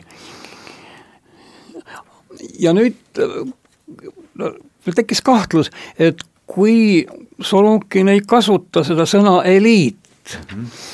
aga sisuliselt räägib eliitidest, sest mis need valitsevad kihid, grupid, straatumid ikka muud on kui eliidid tavaakadeemilises kasutuses, siis Sorokin jääbki siin nagu noh, demokraadiks, vähemalt püüab olla demokraat, kui hästi see tal välja tuleb, eks see nüüd noh, selgub selle raamatu vaatlusest. aga selles mõttes nüüd võiks öelda, et ta jääb äh, nendest kolmest, kellest me rääkisime, jääb tunduvalt vasakule kui tegemist, ütleme, mm, Moskva Pareto meelse näol on ikkagi eliiditeoreetikutega, aga eliiditeoreetikud üldiselt ei armasta demokraatiat. Sest eliit ei sobi demokraatiasse, kuigi nagu me hiljem võib-olla näeme, püütakse selgeks teha meile, täpsemalt küll mitte meile, vaid publikule, et eliidid on demokraatia vältimatu eeltingimus üsna absurdne aktsioom, aga, aga massile sobib küll, oleme ausad. Siis äh, mulle tundub, et äh, Sorokin on teinud siin väga põhjaliku lammutustöö just nimelt eliitide kallal tõsi, siin on, minul vähemalt on terve rida küsimusi või täpselt küsimärke, aga võib-olla tähendab, kui Karmo nüüd hakkab vaatama lähemalt, et siis saab niimoodi samm-sammult saab neid küsitavusi vaadata. Aga Sorokin noh, minu meelest on teinud väga olulise, olulise raamatu koos Londoniga, kus ta on noh, oma vaenu, oma põlise vaenu igasuguste valitsejate ja ka liitide vastu on ilusasti paberile pannud. ja mitte ainult paberile pannud, vaid ka kõvasti rehkendanud. aga kas, juba kas me saame Sorokinit pidada ka positiivistiks, ega pigem ikkagi vist, äh, pigem arvestades kõige selle taustal, mida me tast rääkisime, ei nii ja naa. nii ja naa, eks ole, just kui nimelt. kui me mõtleme termini kvantofreenia peale, siis kindlasti mitte. siis kindlasti mitte. tema no, ei püüa kõike panna. ma arvan, see teine raamat, mis mul siin laua peal on, see Fads and uh, Foibles. Fads and Foibles in modern sociology. noh, see on ju uh, tegelikult ikkagi väljaastumine positiivismi vastu, et, et uh, ei saa jah, ühesõnaga noh, see juba küsimuse formuleerimise, ühest küljest ma vaatan, et ega ta selle rehkendas ju selles äh, meie ajastu ta püüab olla konkreetne ja täpne mõnikord, aga see ei ole positiivism positiivism on arvudega liialdamine, kõige taandamine arvudele. et kõik see, mis on vaadeldav ja mõõdeldav, mõõdetav, mõõdeldav, hea sõna tal on siin teine, teine peatükk. testamoonia. jah, et see on reaalne et mis ei ole mõõdetav, pole reaalne, see on positiivismi, positiivismi kreedo. ja sinna ta kindlasti ei lähe ja see on päris selge. ja vot, kui eelmist saadet meelde tuletada, siis sealt koorus välja ju päris, päris mitmel puhul, et Sorokin äh, seda kaasaegset positiivistlikku, just nimelt positiivistlikku teadust ikka lammutab päris kõvasti. Et seal on noh, kaduma läinud intuitiivne alge. no see on ju kogu ja, selle asja ja, ja, see... mis on Sorokini jaoks niisugune noh, kas keskne, aga kuivõrd tema jaoks on oluline ikkagi, ma nagu ma eelmine ütlesin, enam see Vene õigeusu kiriku kellade eh, kõlin eh, akadeemilise krohvi all, et siis tema jaoks eh, see mm, intuitiivne ka ma ütleksin, teatud määral müstiline alge on äärmiselt oluline. just. aga Karmo, ole hea, sa nüüd no, lugesid vist vist kõige viimati seda Power and uh, Morality. Morality jah, et mis on muljed? ja no., ja just selles, selle kaardi taustal, mille me siin esimesel tunnil visandasime noh, et ühtepidi ma jäin mõttesse, kui sa viskasid kõigepealt selle, selle äh, küsimuse õhku, et äh, kuidas ta eliiditeooriasse, eliidiuuringutesse äh, haakub või, või, või kuhu ta paigutub, et ühtepidi võiks öelda, et noh, ta ei paigutu mitte kuhugi, sest et noh, ega kui vaatad isegi seda moodsat äh, eliidi äh, teo-, teooria käsitlust või siis neid äh, empiirikuid, kes püüavad siis kuidagi mis iganes mõõtmisviisidega enamasti küll niisuguse noh, mingi stratifikatsiooni uuringute raames, kas siis sissetulekute või, või võimu jaotuse või, või mis iganes kultuuri tarbimise näol näol seda kuidagi mõõta, et ta ei, ei, ei, ei ütleks nendele inimestele, kes sellega tegelevad või eliidiuuringutega tegelevad, ma arvan, et suurt mitte midagi, ma arvan, et nad poleks, pole temast isegi kuulnud, et Aha.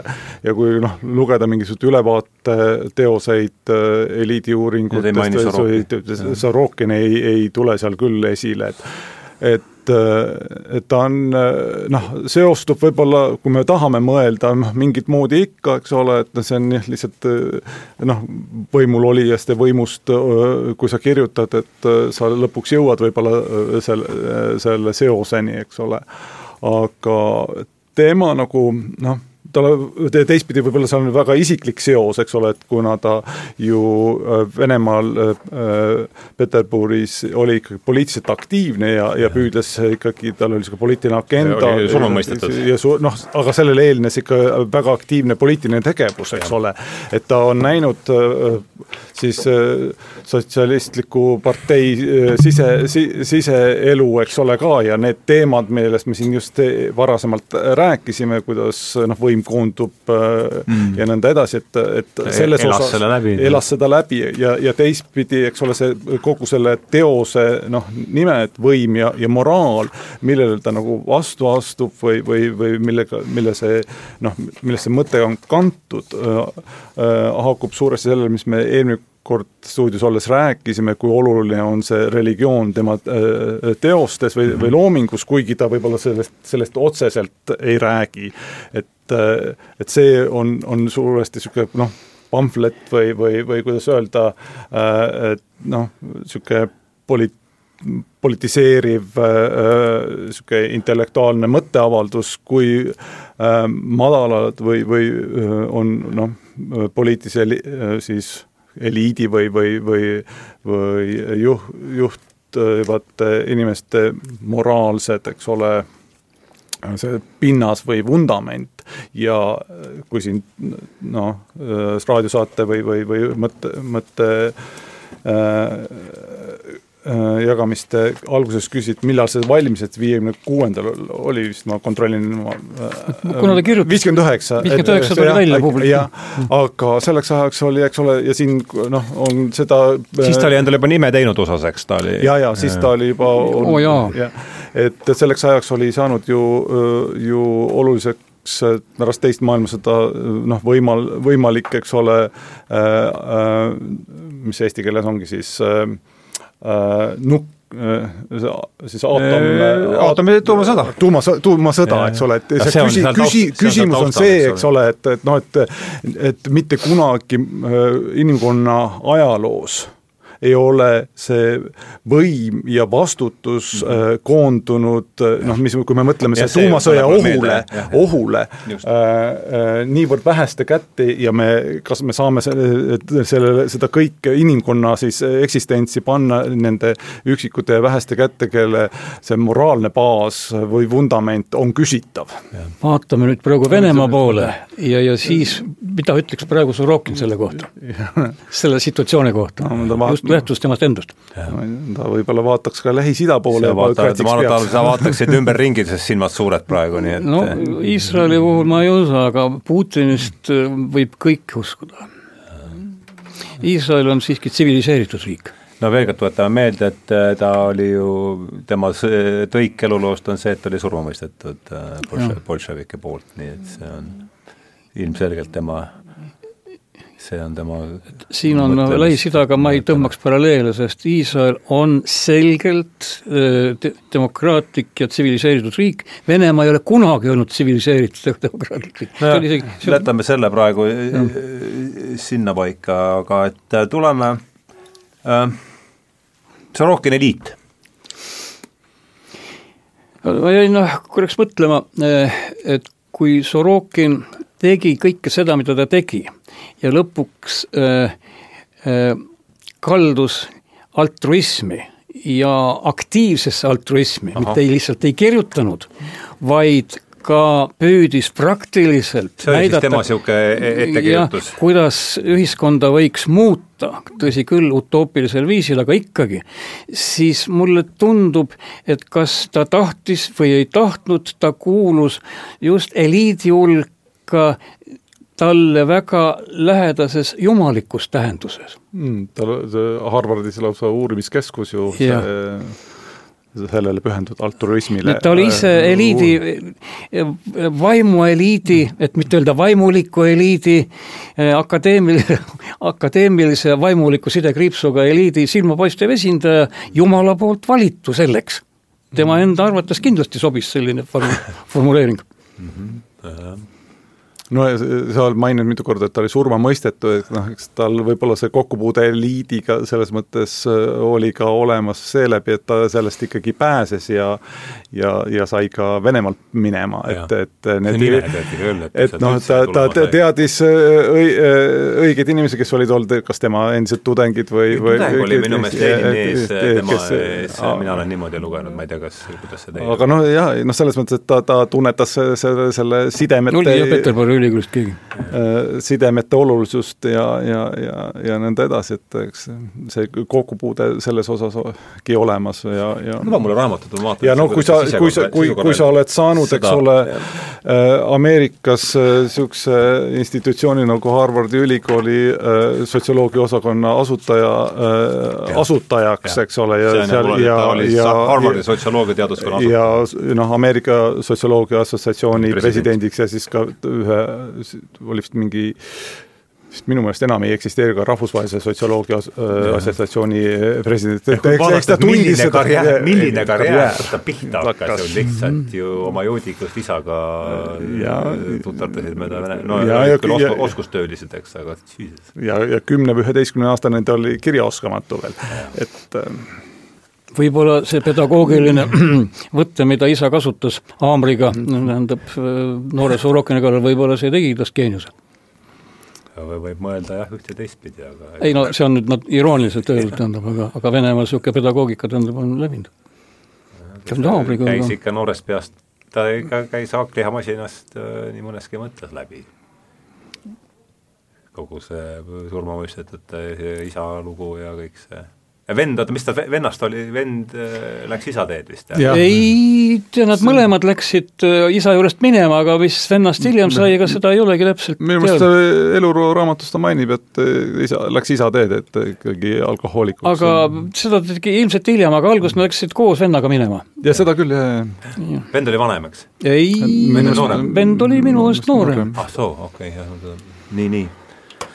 ahah, oota, aga jah kas ma rääk-, segasin sulle vahele järsku? no ja, ja noh, selles mõttes, et ähm, et äh, kui, kui mõelda noh, selle, sellele, et ta noh, astub, astub nagu välja niisuguse noh, poleemi, poli-, mis ongi eesti keel, suuda öelda, polimiseerivas polemis-, pole, polemiseerivas. poleemilises või polemiseerivas, jah vormis, eks ole, noh, rõhutades seda äh, äh, siis äh, väärtuste või, või, või, või moraali olulisust, et noh, äh, seda on öeldud ka eliiditeoorikute kohta, et noh, kuigi nad püüdsid, püüdlesid väga nagu positiivismi poole, siis äh, noh, eriti see, mis äh, eliiditeooriast Äh, on välja kasvanud niisugune radikaalsemad äh, äh, lähenemised, eks sealhulgas siis mainitud uue klassi teooria ja nõnda edasi, et et noh, need olid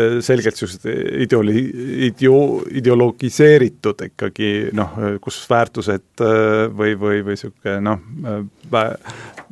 noh ähm, mingisugused põhi, põhitõed või, või seisukohad on ikka väga olulised äh, selles uurimustöö äh, käigus, et mm -hmm. noh, meie, meie mõttes ikkagi ka väga kaugel positiivismist või niisugusest et et noh, selles mõttes ta haakub natukene selle, selle maailmaga, kuigi noh, teise külje pealt ja kritiseerivalt siis nende Äh, põhimõtete või moraali puuduse äh, osas või, või küsitava osa, osas mm. -hmm. et aga no noh, jällegi äh, siin oli mainitud seda, et noh, et ta äh, Äh, oli seal Harvardi ülikoolis äh, altruismi uurimiskeskus, et noh, sedagi teost võib natukene vaadata selles valguses, et, et see moodne äh, tuumasõja ohuga või, või mis võib viia, eks ole, inimkonna lõpuni ajastu, et see vajab uut laadi juhtimist ja. uutel põhimõtetel, märksa moraali või, või eeti-, eetilisematel põhimõtetel. see mõte pole ka uus, seal on ei, no, kõlanud palju, kõlab palju paljudega kaasa, eks ole, jah äh,. nagu, nagu rõhutatult mm, -hmm. et, et noh, kui kaugele me oleme selles arengus jõudnud, on iseasi, et kui sa noh, mõtled mõtled selle peale, kes natuke aega tagasi Ameerika Ühendriikides võimul oli ja ilmselt tänaste märkide järgi varsti jälle on, et noh, et noh, milliseid põhimõtteid või, või, või, või moraali ta, ta kannab, eks ole, et et noh, see, see kasiino või loterii selles, selles tuumaohu olukorras ei, ei ole väike, et noh, ta äh, äh, et noh, siin jah, et meil kaamerat ei ole, et Enn näitab siin kujukat karikatuuri räägi päris sõnaga, mis seal peal on, et me fotod on need. fotod, just nimelt, jah. fotod, jah. ja, ja karikatuur noh, ütleme karikatuuriks kokku pandud, ütleme siis niimoodi no,. karikatuursed. karikatuursed võrdlus annab karikatuurse äh, kogupildi. no küllap oleks saanud, muidu seal on siis üleval on True, on see Roosevelt või on Truman? Roosevelt veel. Roosevelt veel, jah? jah see on siis Jaltas tehtud pilt, mitte Potsdamis. ma arvan küll, jah. ja Jalta pilt, kus on siis Stalin, Stalin, Roosevelt ja Churchill ja all on nende praegused mm -hmm. või jo, äh, Boris Johnson, Donald Trump, ma nimetan teda Trumpiks ja noh, meie armas mm, Volodja. jah, kõik on sellised, no üks on ütleme sellises no kõik, kõik sellises naeruväärsetes äh, olukordades. sest noh, ainus normaalne on Johnson näiteks, raudselt, hea küll, see on teine. see on teine jutt, jah.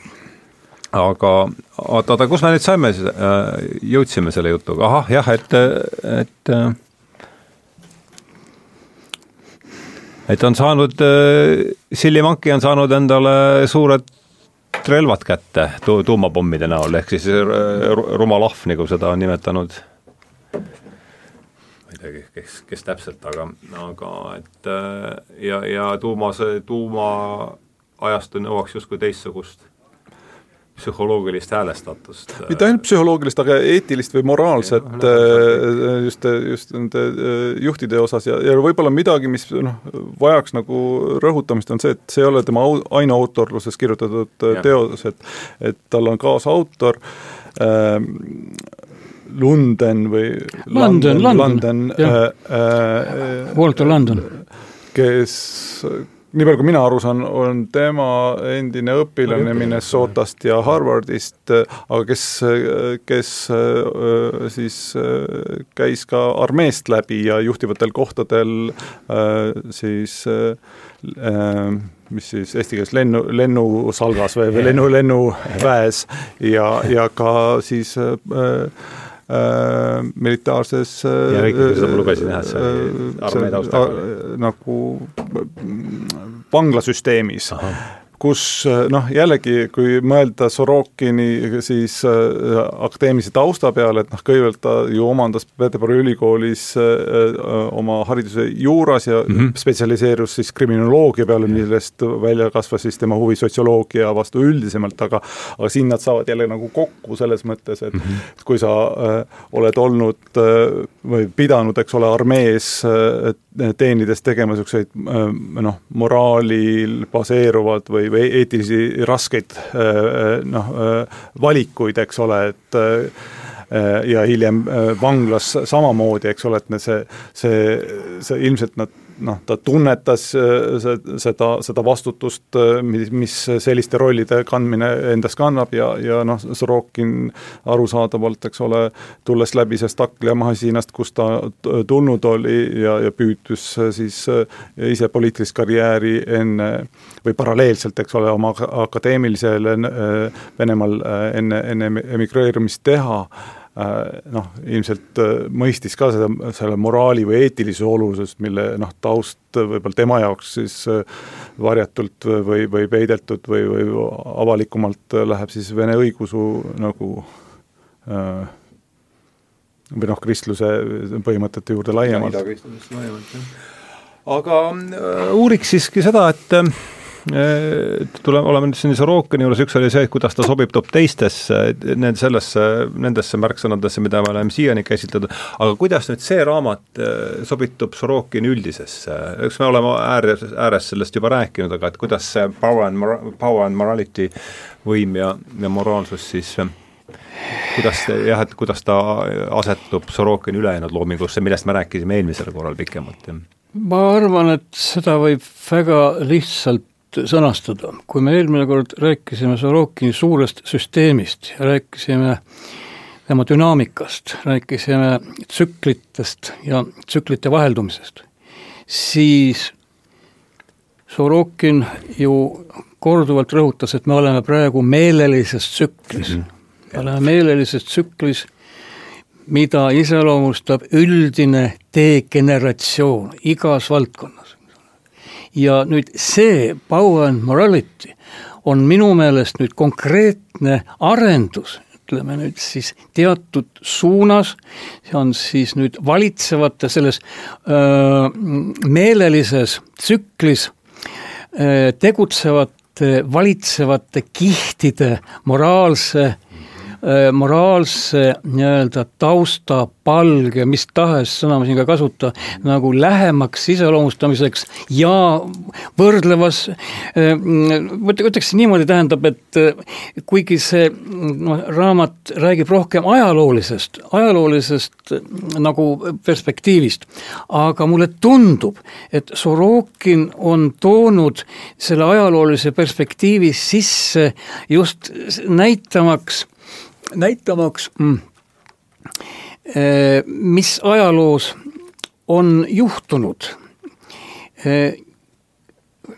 meeleliste need, tegemist on meeleliste valitsevate gruppidega, mis on juhtunud ja nüüd siis ta nagu, kuivõrd me oleme praegu jälle meelelises tsüklis, et arvestades seda jah, et me oleme nüüd nagu jõudnud ajas edasi, et oleme justkui demokraatias, et aga et ka need eliidid, kes praegu demokraatias tegutsevad, ei ole patust puhtad, vaid eeskätt on nad siis seotud omandivastaste kuritegudega, tegudega, mitte niivõrd siis enam inimese ja inimsuse vastaste kuritegudega. aga mulle tundub, ma ei tea, see võib olla minu hüpotees, et Sorokin on selle kirjutanud selle ajaloolise, no tugevalt ajaloolise suunitlusega uurimuse koos Londoniga, eh, eh, näitamaks ära ajaloos valitsenud meeleliste valitsejate ja kaasaja meelelise tsükli seoseid mm. -hmm. kuidagi midagi taolist, eks ole, nagu assotsieerub. jah, jah, jah, jah. et meeleline on alati Sorokini jaoks olnud kurjast, nii, ja vot siit tuleb ilusti see välja, sest et siit noh, kuigi ta räägib ka, et noh, siin noh, ka valitsejates on õilsaid jooni ja, ja no suhteliselt tema üks kõige nõrgemaid kohti siin.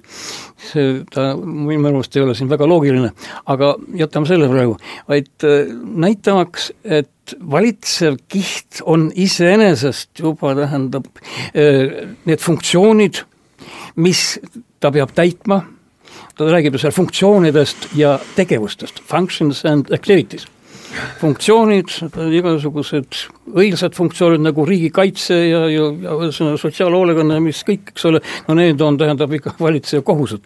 aga, aga tähendab, et siis suurem jagu neid funktsioone ja tegevusi on just sellised, on just nimelt seotud vägivallaga ja need funktsioonid iseenesest nüüd juba eh, sigitavad, genereerivad just nimelt valitsejaid, kes on, on noh, moraalselt nagu öeldakse no, see meeleline faas, saan ma siis te-, te-, valib, valib välja mingid teatud isiksuse tüübid siis või? Ehm, nojah, vot see nüüd, see, see nõuaks natuke pikemat aega, ma ei, ma ei saa seal rääkida, sest me jookseme siis nagu ajast tühjaks, aga see tundub, see tundub huvitav koht olevat, järsku saad selle kuidagi et ma tooksin keskseks märksõnaks, jätaksin ikka sõna meeleline. Mm, -hmm mis igal juhul nii ajalooliselt kui ka praegu on seotud pigem kurja kui heaga, kasutades Sorokini enda ikka niisuguseid teoloogilisi termineid.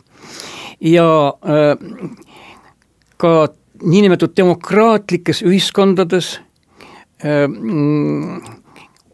kuivõrd need demokraatlikud ühiskonnad on ikkagi meelelises tsüklis, igasugused Surokene kasutussõnaliit, igasugused valitsevad kihid on eeskätt ikkagi kuritegelikud Mm -hmm. et kuivõrd ma ütlen, et seda põhiline noh, toob siin äh, neid protsente, palju on äh, erinevates ajaloolistes äh, eliitides olnud siis nii-öelda roimareid äh, kõikvõimalike šahhide, kuningate mm, presi-, mitte president, šahhide, kuningad, sultanid, tsaarid ja keisrid, no mis tahes seltskonna puhul, et palju on olnud siis nii-öelda lähedaste sugulaste mõrvu. aga Sorokin teeb siin ühe suure teene kõigepealt publikule, et ta seda kõike teeb üldse. ja teisest küljest jääb tema see arutluskäik nagu poolikuks, sest tegelikult kõige suuremad kuriteod on need eliidid korda saatnud just nimelt massimõrvade näol.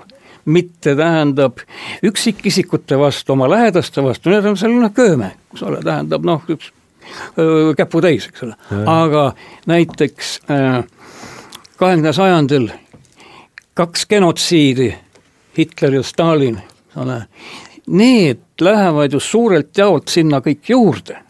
nii et see analüüs jääb tal nagu poolikuks või on siin sees raamatus? ei, mul ei, tule küll et no, no ta on, no eks ta mainib neid äh, kõiki äh, Leninit, Hitlerit, Stalinit, Mussolinit, et selles mõttes ta ei ole ilmselt ignorantne nende massikuritegude osas, aga noh aga ta ei käsitle neid eriti põhjalikult jah, sest see on, see on kõige olulisem tegelikult, mida, kust nüüd peaks edasi minema.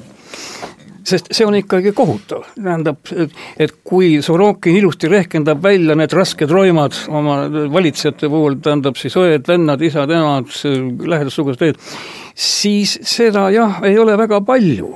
Lõppkokkuvõttes ikka protsentuaalselt jah, ühesõnaga nii, nii palju sellest eliidist no, tähendab seal on, seal on mõrvad edasi, läheb statistika juba.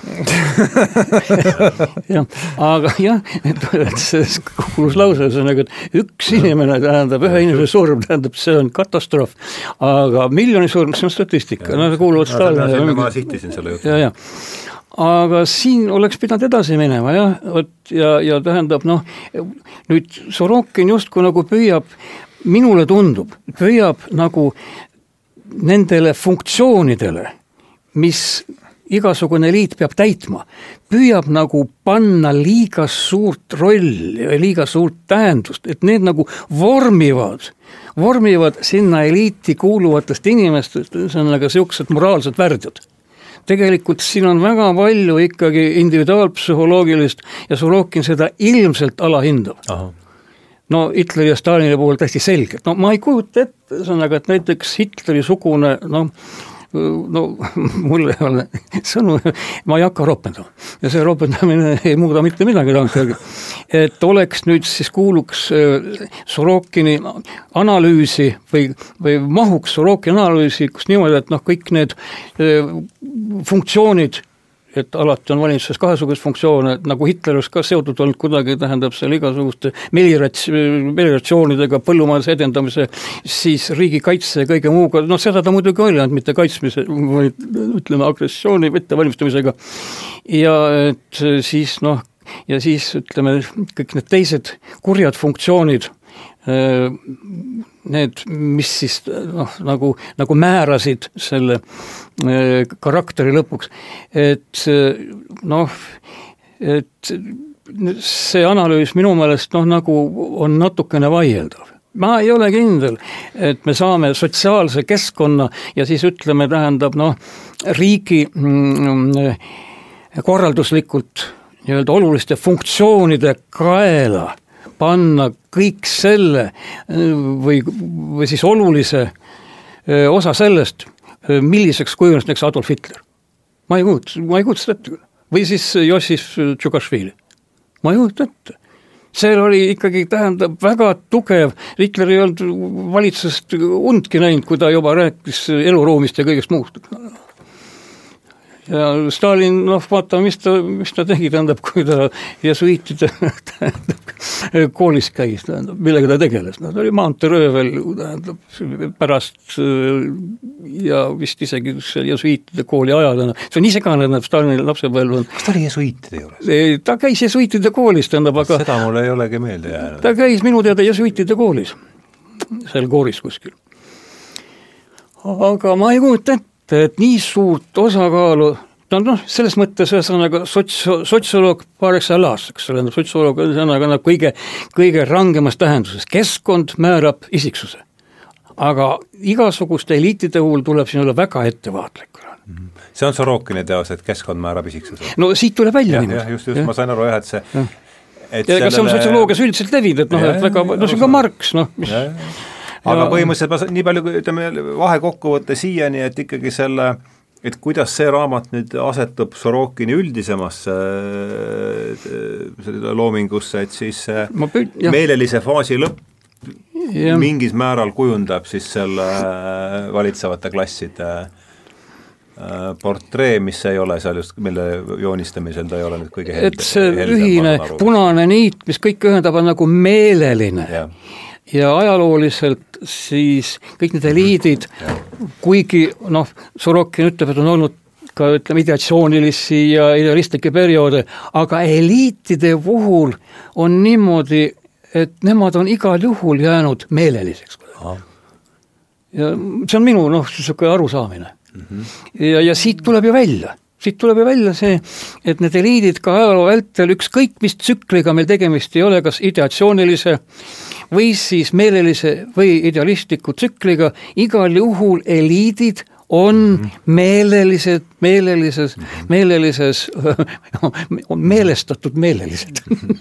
On pahelised ja nüüd siis ta teeb selle uurimuse ja, ja kahjuks jah, ta siin nüüd selle kahekümnenda sajandiga haagib ennast vähe ja jätab, tähendab, väga olulise teema jätab pooleli.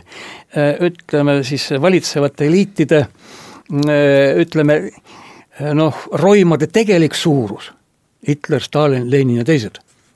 et siin ta jääb nagu, nagu poolikuks ja et ta nagu, vot mul ei ole raamatut ka, kas ta toob selgelt välja selle, et äh, need protsendid, mida ta on välja arvestanud, et need näitavad ainult teatud liiki teatud liiki kuritegusid ja tegelikult oleks neile vaja juurde liita ka nüüd, eks ole, need vägivaldsed äh, teod, äh, mis, mille on põhjustanud kas täielikult või olulisel määral ühed või teised eliiti kuuluvad isikud kahekümnendal sajandil?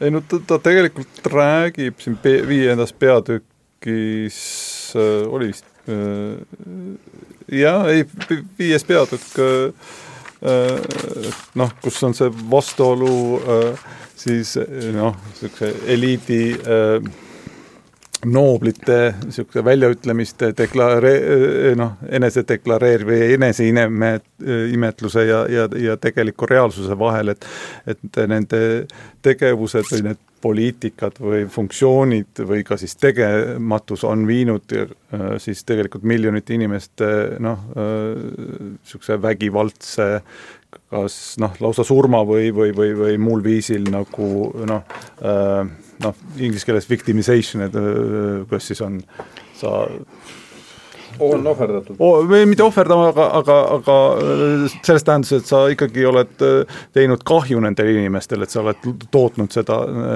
seda noh, nüristatud massi no,. viktim on ohver. ohver, ohver, ohver, jah. jah, niimoodi lihtsalt oh, asjatud ohvrid, tähendab mõttetud ohvrid, tähendab et ähm, ja sellest ta räägib jah, sellest, sellest tähendab, on siin selles minu materjalis on ka tähendab juttu, aga aga, aga mis, no mis mulle veel tundub kahtlas, kahtlasena, on see, et kui ta räägib, et siin igas sellises, tähendab, mõrtsukas, noh, ta ütleb, suurelt jaolt on nad ikka kõik mõrtsukad. on olemas ka häid jooni, no näiteks Lenini hoolitsus haige kassipoja eest või siis Robespierre'i tähendab noh, suurepärane käitumine pereringis, no need on natuke naeruväärsed naeruväärsed käsitlused, sest vaatame ikkagi, mis on määrav. Kas sa sellest räägib? ja, ja sellest räägib sealsamas, sealsamas ja, ja, ja, ja, ja, ja, ja, ja ja noh, Stalin võib ka olla noh, mingisuguseid noh, häid kombeid, noh näiteks võib-olla silitas mõne lapse pead näiteks, eks ole, no sellest on ju fotosid tehtud, kedagi on sülle võtnud, tähendab, jah. et see ei näita seda, et olemas on siiski, tähendab, kaks nagu enam-vähem võrdset alget, hea ja kuri alge. ta ju ise ütleb ka, et tegemist on ikka mõrvaritega, kui ta hakkab rääkima, siis tema enda analüüsist tuleb välja, et kui nüüd hakata vaadata tervikpilti, et siis ikkagi on niimoodi, et see kuri katab ära selle hea, kuigi jah, tõepoolest noh, ka siin noh, Hitler kuulas Wagnerit, eks ole, ja, ja tähendab noh, noh, mis tahes tähendab noh, et see, see ei ole näitaja tähendab noh, mingisuguseid selliseid näiteid võib tuua, tähendab isegi kõige suurema mõrtsuka puhul, näiteks noh, silitas kedagi kuskil tänavanurgal, tähendab näiteks vanas Roomas, noh, noh, tore inimene, noh, mis noh, Sulla näiteks, noh, tegi mingisugusele plebeile, tegi, plebeipoisile tegi kusagil Rooma tänaval, tegi pai, noh, no see ei muuda asja. No et ta kuidagi kipub, tähendab noh, sest ta ise ütleb, et, et nagu see isegi kõige suuremate mõrvarite puhul see õilis, õilis alge ikkagi kuidagi säilib ka puhtal kujul, sa leidsid selle koha, eks ole?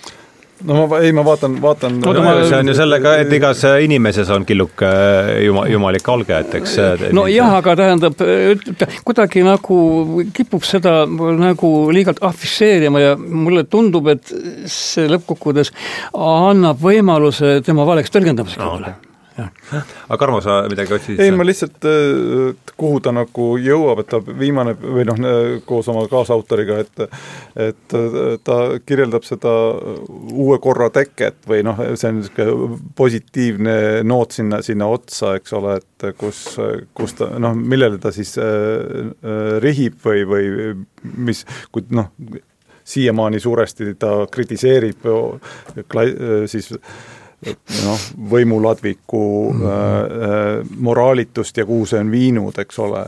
ja, ja et noh, see on väga suur risk üldse inimkonnale kokkuvõttes tuuma, tuumarelvade äh, olemasolu kontekstis. siis see viimane peatükk või noh, eelviimane äh, koos viimasega, et äh, Äh, noh, seal ta püüab ikkagi anda nagu lootust, mis see alternatiiv on, mis see mhm. positiivne programm ja. on ja sealt tulevad noh, tema see altruistlik armastus ja noh, niisugune perekondlik lähenemine peaks saama siis äh, osaks niisugusest äh, uue moraaliga valitseva klassi nagu noh, nendest altruismikeskuse ideed. Need on see, tema see Harvardi altruismikeskuse mm -hmm. noh, eks see on ka niisugune positiivne programm ilmselt oma, oma rahastajatele seal, et äh, kes ja, ilmselt ja, nägid temas kui, kui ühte niisugust äh, prohvetit, ühtepidi prohvetit, aga võimalik ka noh, mingit, mingisugust no, sisend, sisendit võima-, kuidas pärast teist maailmasõda ja pärast seda, kui tekkis kaks, eks ole, niisugust polariseeruvat võimukeskust ühtepidi siis äh, Äh, Moskvas ja teine äh, Washingtonis, et, et kuidas need, neid lähendada või so-, või, või noh, see oli utoopiline programm. jah, aga noh, sellegipoolest, et noh, et niisuguse võib-olla ameerikaliku akadeemilise äh, struktuuri juures, kus noh, isegi kui sa oled Harvardis uurimiskeskuseks, pead ikkagi leidma erarahastajaid ja nõnda edasi, pead mingisuguse, mingisuguse noh, tulemini ikka no jõudma. ühesõnaga see pragmaatiline aspekt, tähendab, mille, kui Ameerika midagi finantseerib, siis ta tahab näha ka kasu. nojah, et sa ei, sa ei saa lihtsalt niisuguse poliitilist pamfletti kirjutada lihtsalt, et see kõik on äh, määratud hukule või, või mm. -hmm no aga kena, me oleme nüüd jõudnud siin siis viima-, viimase veerandtunnini, võib-olla paar minutit peale, et Äh, me oleme, hakkasime pihta siis eliiditeooriatest, äh, nüüd jõudsime Sorokini ja nüüd oleme jõudnud ka siis juba siin viimases pooles tunnis kindlasti sealset, sealseni viimase saatega. ma loeksin siit ette ühe, ühe lõigu sellest intervjuust, kus mina üldse esimest korda Sorokiniga kokku puutusin, see oli vähem kui aasta tagasi, möödunud aasta aprillis ja selles sama intervjuus siis Maini ülikooli endise sotsioloogiaprofessori Kyriakos Markidesega ja, ja loen ta siis ette ja seejärel siis üritan mingi küsimuse siit ka pealt äh, formuleerida, nii et äh, kõneleb siis äh, kõneleb siis Kyriakos Markides, ilmus lehekaal kolmekümnendas numbris. Kui ma teda lugema hakkasin, tundsin teatud hingesugulust, sest ka tema oli õigeusklik, ka tema oli sisserännanu. ka tema püüdis suurte raskustega Ameerika kultuuri sisse elada kõige rohkem tõmbas mind aga tema mõtteviis. ta väitis, et tollal valitsenud sekulariseerumishüpotees maailm muutub üha ilmalikumaks, jumal on surnud ja nii edasi, ei vasta tõele. ta kirjutas, et lääne tsivilisatsiooni ootab ees religiooni ja spirituaalsuse taassünni ajastu. see oli Teise maailmasõja ajal, mil kõik teised rääkisid ateistlikust ajajärgust ja seetõttu ei võtnud teda tippülikoolides keegi tõsiselt. no kuigi ta oli Harvardis, eks, nagu me kuulsime ja see on võib-olla isegi kõige olulisem, sest äh, ütleme, minu viimase aasta tegevust on epi-, ilmselt on epistemoloogia see võtmesõna, mis hoiab siin koos kogu seda asja minu jaoks, et teiseks pakkusid mulle huvi Sorokini epistemoloogilised vaated. ta väitis, et me saame maailmas teadmisi kolme teed pidi, tead-, meelte, teadus, intellekti, filosoofia ja matemaatika ning intuitsiooni kaudu ta oli seisukohal, et läänes on kõrgelt arenenud esimesed kaks empiirilised teadused, filosoof-, filosoofilised õpetused, matemaatika, loogika ja nii edasi, ent kolmas on täiesti unarusse jäänud. ta rõhutas vajadust integraalsete teadmiste või integraalse tõe järgi, mis võtaks arvesse kõik kolm teed ja kui ta tuhande üheksasaja kuuekümne viiendal aastal Ameerika sotsioloogide presidendi sots-, Ameerika sotsioloogide assotsiatsiooni presidendiks valiti, omandasid ta teed kõr-, la, äh, ideed laiema kõlapinna et seal Markidese enda loo, eluloos on see, et ta kirjutas siis ähm, nagu ma ütlesin, sotsioloogia professor kirjutas uurimust äh, rahvusvahelisest terrorismist ja jõudis siis seitsmenda aastate lõpus Küprosele, oma kodusaarele materjali otsingul ja kohtus seal kohaliku tervendajaga.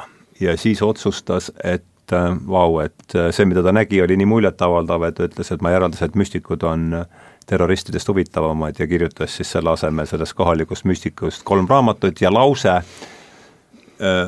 mis ta seal ütles, oli just see jah, et vau, et, et kui ta nägi, siis tänu Sorokinile tal oli üldse mingi raam, kuhu ta sai paigutada selle, mida ta siis seal Küprosel, mida, mida ta siis seal Küprosel oma silmadega pealt nägi, noh seal oli mingi niisugune, et neljakümne viie minutiga tegi, tegi ravis terveks äh, ühe naise selja, kes oli määratud, äh, määratud siis äh, eluks ajaks ratastooli, et, et see kolm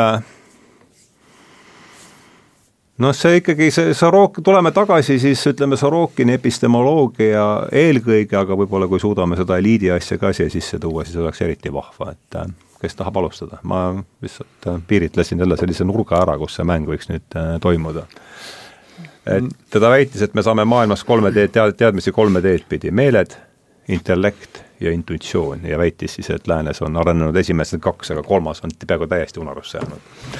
et kumb tahab siin alustada? Noh, ma võin võib-olla esmased mõtted äh, välja öelda, et et äh, see moodne või, või kaasaegne äh, ühiskonna ja ka noh, loodustäppistuste tegemise traditsioon on, on mingisuguses teatavas kindlas vormis, eks ole. paradigma on see. paradigma, kui soovi kasutatakse ja eks äh, selles osas on loodustäppisteadust ka kõige lähemalt Äh, noh, äh, sina peal, eks ole, niisugused positiivistlikud äh, lähenemised, arusaamad, kuidas teadus peaks tegema, kuidas ta peaks olema kontrollitav ja objektiivne ja noh, ideaalis, eks ole, on need topeltpimedad eksperimendid, mis võivad meile anda siis kinnitust tõsikindlaste teadmiste allikad põhimõtteliselt. nojah, jah, et, et et äh, isegi äh, nüüd, kui mõelda niisuguse sotsio-, sotsioloogia peale, äh, kuidas sotsioloogias tehakse uurimistöid, eks seal on ka erinevaid traditsioone, on positiivistlikumaid ja on, on, on nende, sellest väga kaugel olevaid, aga jällegi võib-olla see positiivistlik suund on, on domineeriv või, või vähemalt selle järgijad domineerivad siis niisuguseid võtme võtme teadusžurnaale või ajakirju ja, ja, ja kirjastus, kirjastusi ja seeläbi siis ka kogu seda kaadrivalikut ja, ja edutamist tippülikoolides ja nõnda edasi. et isegi need inimesed, keda siis sotsialiseeritakse või õpetatakse noh, doktorantide näol, postdoktorantide näol äh,, äh, järgmi-, noh, järgmise generatsiooni teadlasteks, eks, õpetatakse seda, seda traditsiooni järgima ja sul võib olla küll äh, äh, ideid, mis sellega noh, sinna raamistikku ei mahu, eks ole, millele sina siin Sorokinist rääkides viitad, et sul on võib-olla see inspiratsioon või, või, või nägemus, mis tuleb täiesti niisugusesse äh, tea-, tont teab kust ja mis ei, ei haaku ei tea. Äh, äh, mis, mis ei, mis ei ole tõsiseltvõetav niisuguses positiivistlikus uurimis noh, õpikliku õp-, noh, ütleme metodoloogia õpikust välja tulevast raamistikust, eks ole, siis see peidetakse lihtsalt ära, noh, ja seda, seda tegelikult ja peidetakse ära ka need tõsiasjad või tõsiasjad, mis ei ole selgitatavad selle raamistikuga. absoluutselt ja, ja no seda, see, sellest on saanud omamoodi äh, sotsioloogia uurimissuund äh, äh, nimetatud SSS, Social Studies of Science äh, on selle, või noh, see, eks seal on, mõnikord äh, räägitakse tehnoloogiast ka, aga aga siis äh, need noh, huvitaval kombel need, need äh, siis sotsiaalteaduste või, või, või ka teadust laiemalt sotsioloogiliselt või uurivad äh, uurimisrühmad ja, ja teadurid on viimase paarikümne aasta jooksul leidnud, et kui nad lähevad siis ja, ja empiiriliselt uurivad noh, tihti kas siis vaatluste või, või seal laboris nendega koos istudes osalusvaatluste näol, kuidas siis tegelikult teadust tehakse, siis erineb vägagi sellest noh, õpikutes olevast kokaraamatu loogikast ja on veel kaugemal sellest positiivistlikust noh, nägemusest, et kõik on väga objektiivne ja kontrollitud ja, ja nõnda edasi.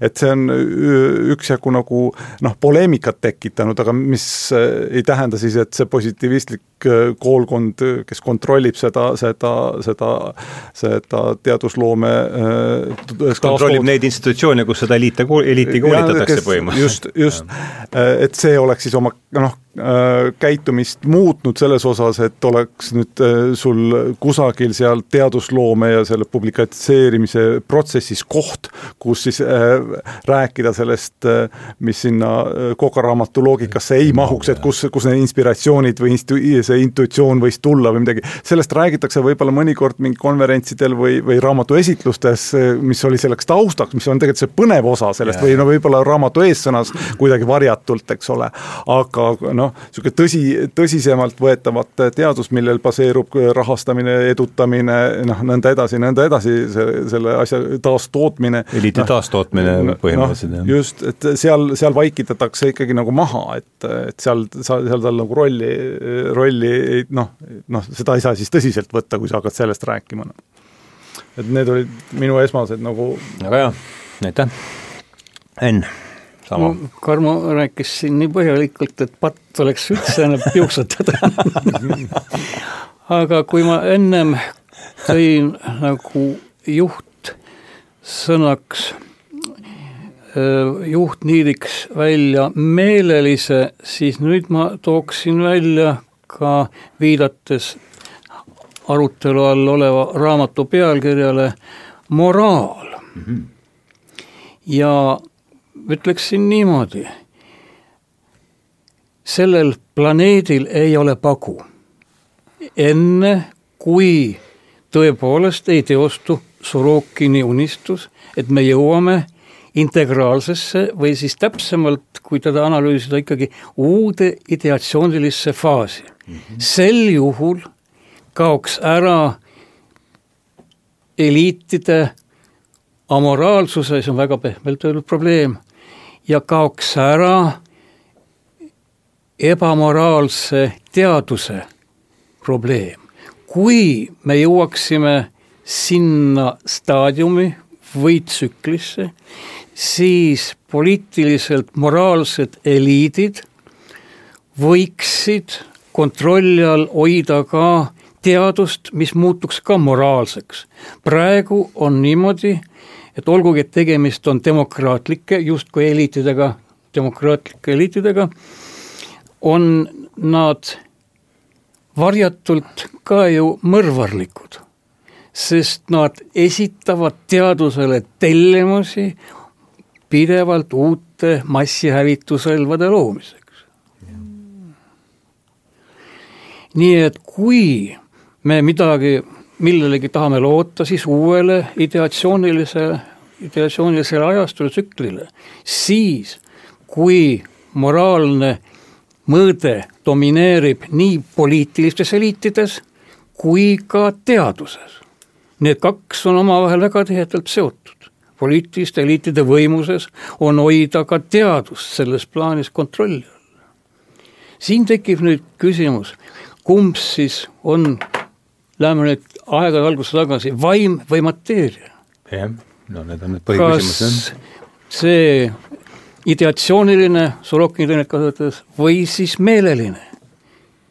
ajalugu näitab, et niipea, kui inimesele ant-, antakse võimalus, on ikkagi, tähendab, tulevad välja tema, ühelt poolt tema ürgsed instinktid, ta parema meelega valib meelelise ja sugugi mitte moraalse Marxil on ju see idee, tähendab, et noh, et sotsiaalsed olud iseenesest muudavad juba inimese, kui me saame sotsialismi, kommunismi, eks ole, kujuneb välja moraalselt kõlblas, kõlb, kõlblik, kõlbuline inimtüüp.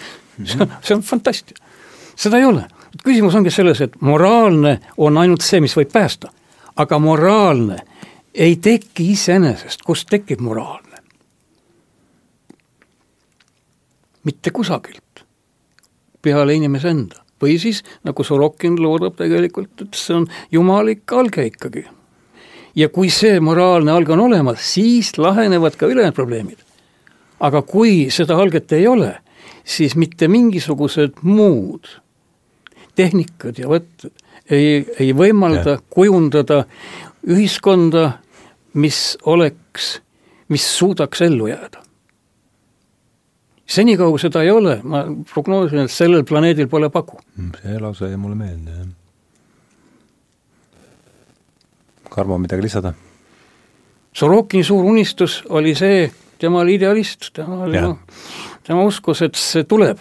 praeguseni ei ole teda näha, vastupidi, hoopis hullemaks läheb asi nojah, mis märke vaadata muidugi, see on täpselt no vaatame neid märke, mis domineerivad nojah, see on täpselt see, mis kanalit parajasti vaatad. no mitte ainult, mitte ainult. no eh, mitte ainult jah, aga, aga eks need märgid on praegu kanalis ikka väga kinni, mulle tundub. jah, aga noh, öeldagu mulle üks kanal, kus, kus ma näeks midagi, mis töötaks Sorokini ootustega sünkroonis no üks kanal on see, kas või see, mis me tegime äh, eelmises lehes, oli intervjuu Dean Radiniga, et nad äh, ütles, et kaks tuhat seitseteist ühe USA teadlasega, kelle Vikipeedia siis äh, tembeldab äh, parapsühholoogiks, aga et noh, kaks tuhat seitse, et viimase viie aasta jooksul on toimunud ikkagi suur ja kiire muutus üldse selles, mis puudutab äh, jutuajamisi lääne filosoofia alusoletust ja seda ma usun, kuivõrd ma olen ise sellega siin olnud rohkem milles see seinab? noh, saab rääkida asjadest, tema väidab niimoodi, tsiteerin teda, et nüüd saab rääkida juba asjadest, mis varem oleks noh, kui oleks otse kiirabi järele saadetud, siis vähemasti oleks välja naerad, välja naerdud seda on alati võimalik olnud teha, tõsi küll, kiirabi noh, tegelikult on juba pikemat aega olnud võimalus rääkida kõikidest asjadest, tähendab teatud seltskonnas no jaa, aga no ilmselt ta viitab sellele, et lai-, seltskond, kus nendest saab rääkida, on, on laienenud ja noh, ühesõnaga ma ei taha, ma ei taha ju siin midagi mm, pisend-, pisendada seda, et me tõenäoliselt siin tuumasõja poole ikkagi kapak kiireneb, et see, sellest, sellest äh, on ka raske mööda vaadata, aga noh, seda olu-, seda olulisem on neid muid märke panna tähele, ma arvan. ma tahaks jagada Sorokini unistusi ja lootusi ja uskuda, et moraalne alge saab kunagi maksvusele. aga kui? kui seda ei juhtu, siis ei oota meid midagi head see on väga lihtne sellega ma olen ka täiesti, et ega siin on jah. väga lihtne ühest küljest, aga ületamatult keeruline.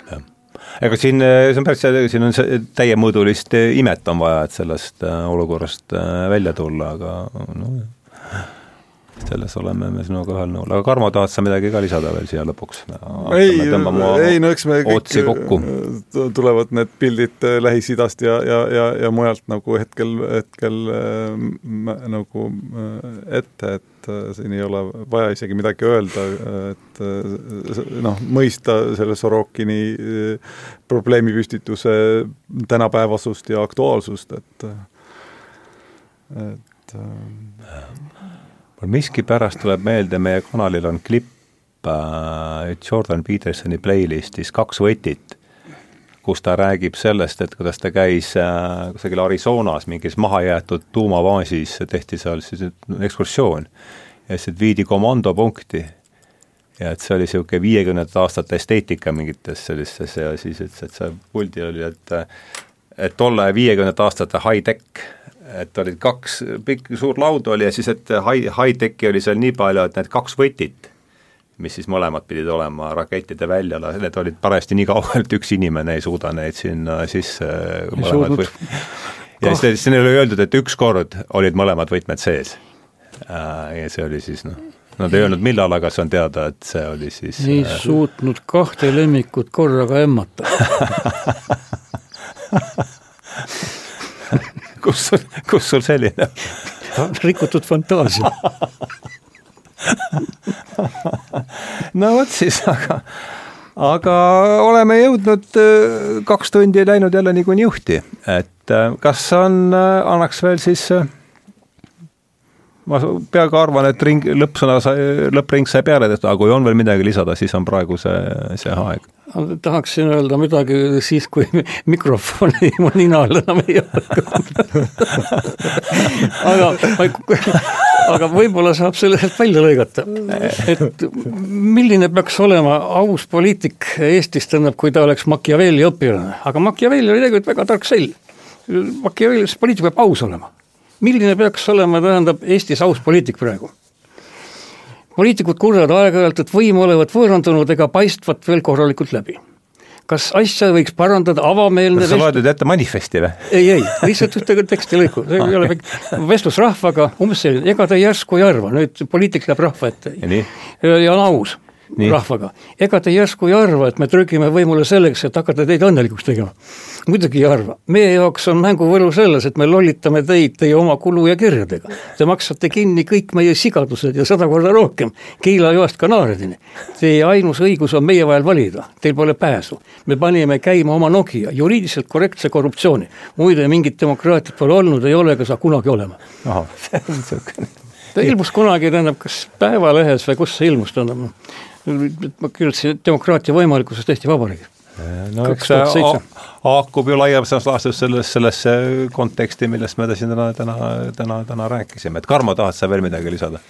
Ei, ma usun, et äh, noh, siin on äh, kaks, kahel erineval moel juba püütud sellele äh, mõtteringile punkti panna, et minu poolt oleks midagi siin liig, liig, liig lisada, et aga et, jah, väljaspool mikrofoni. Ühesõnaga aga, aga enne veel, kui läheme väljaspool mikrofonist, tänan, aitäh teid mõlemad, Enn, Enn Käärik ja, ja, ja Tarmo Kroos, oli rõõm teiega vestelda ja on siis, tõmbame tõmbame joone alla sellele vestlusele, täname kõiki, kellel, tänu kellele see on see saatesari võimalik ja ja lähme siis siit ära suuremate sõpradena, kui me enne olime. moraalselt puhtamatena. jah, täpselt nii.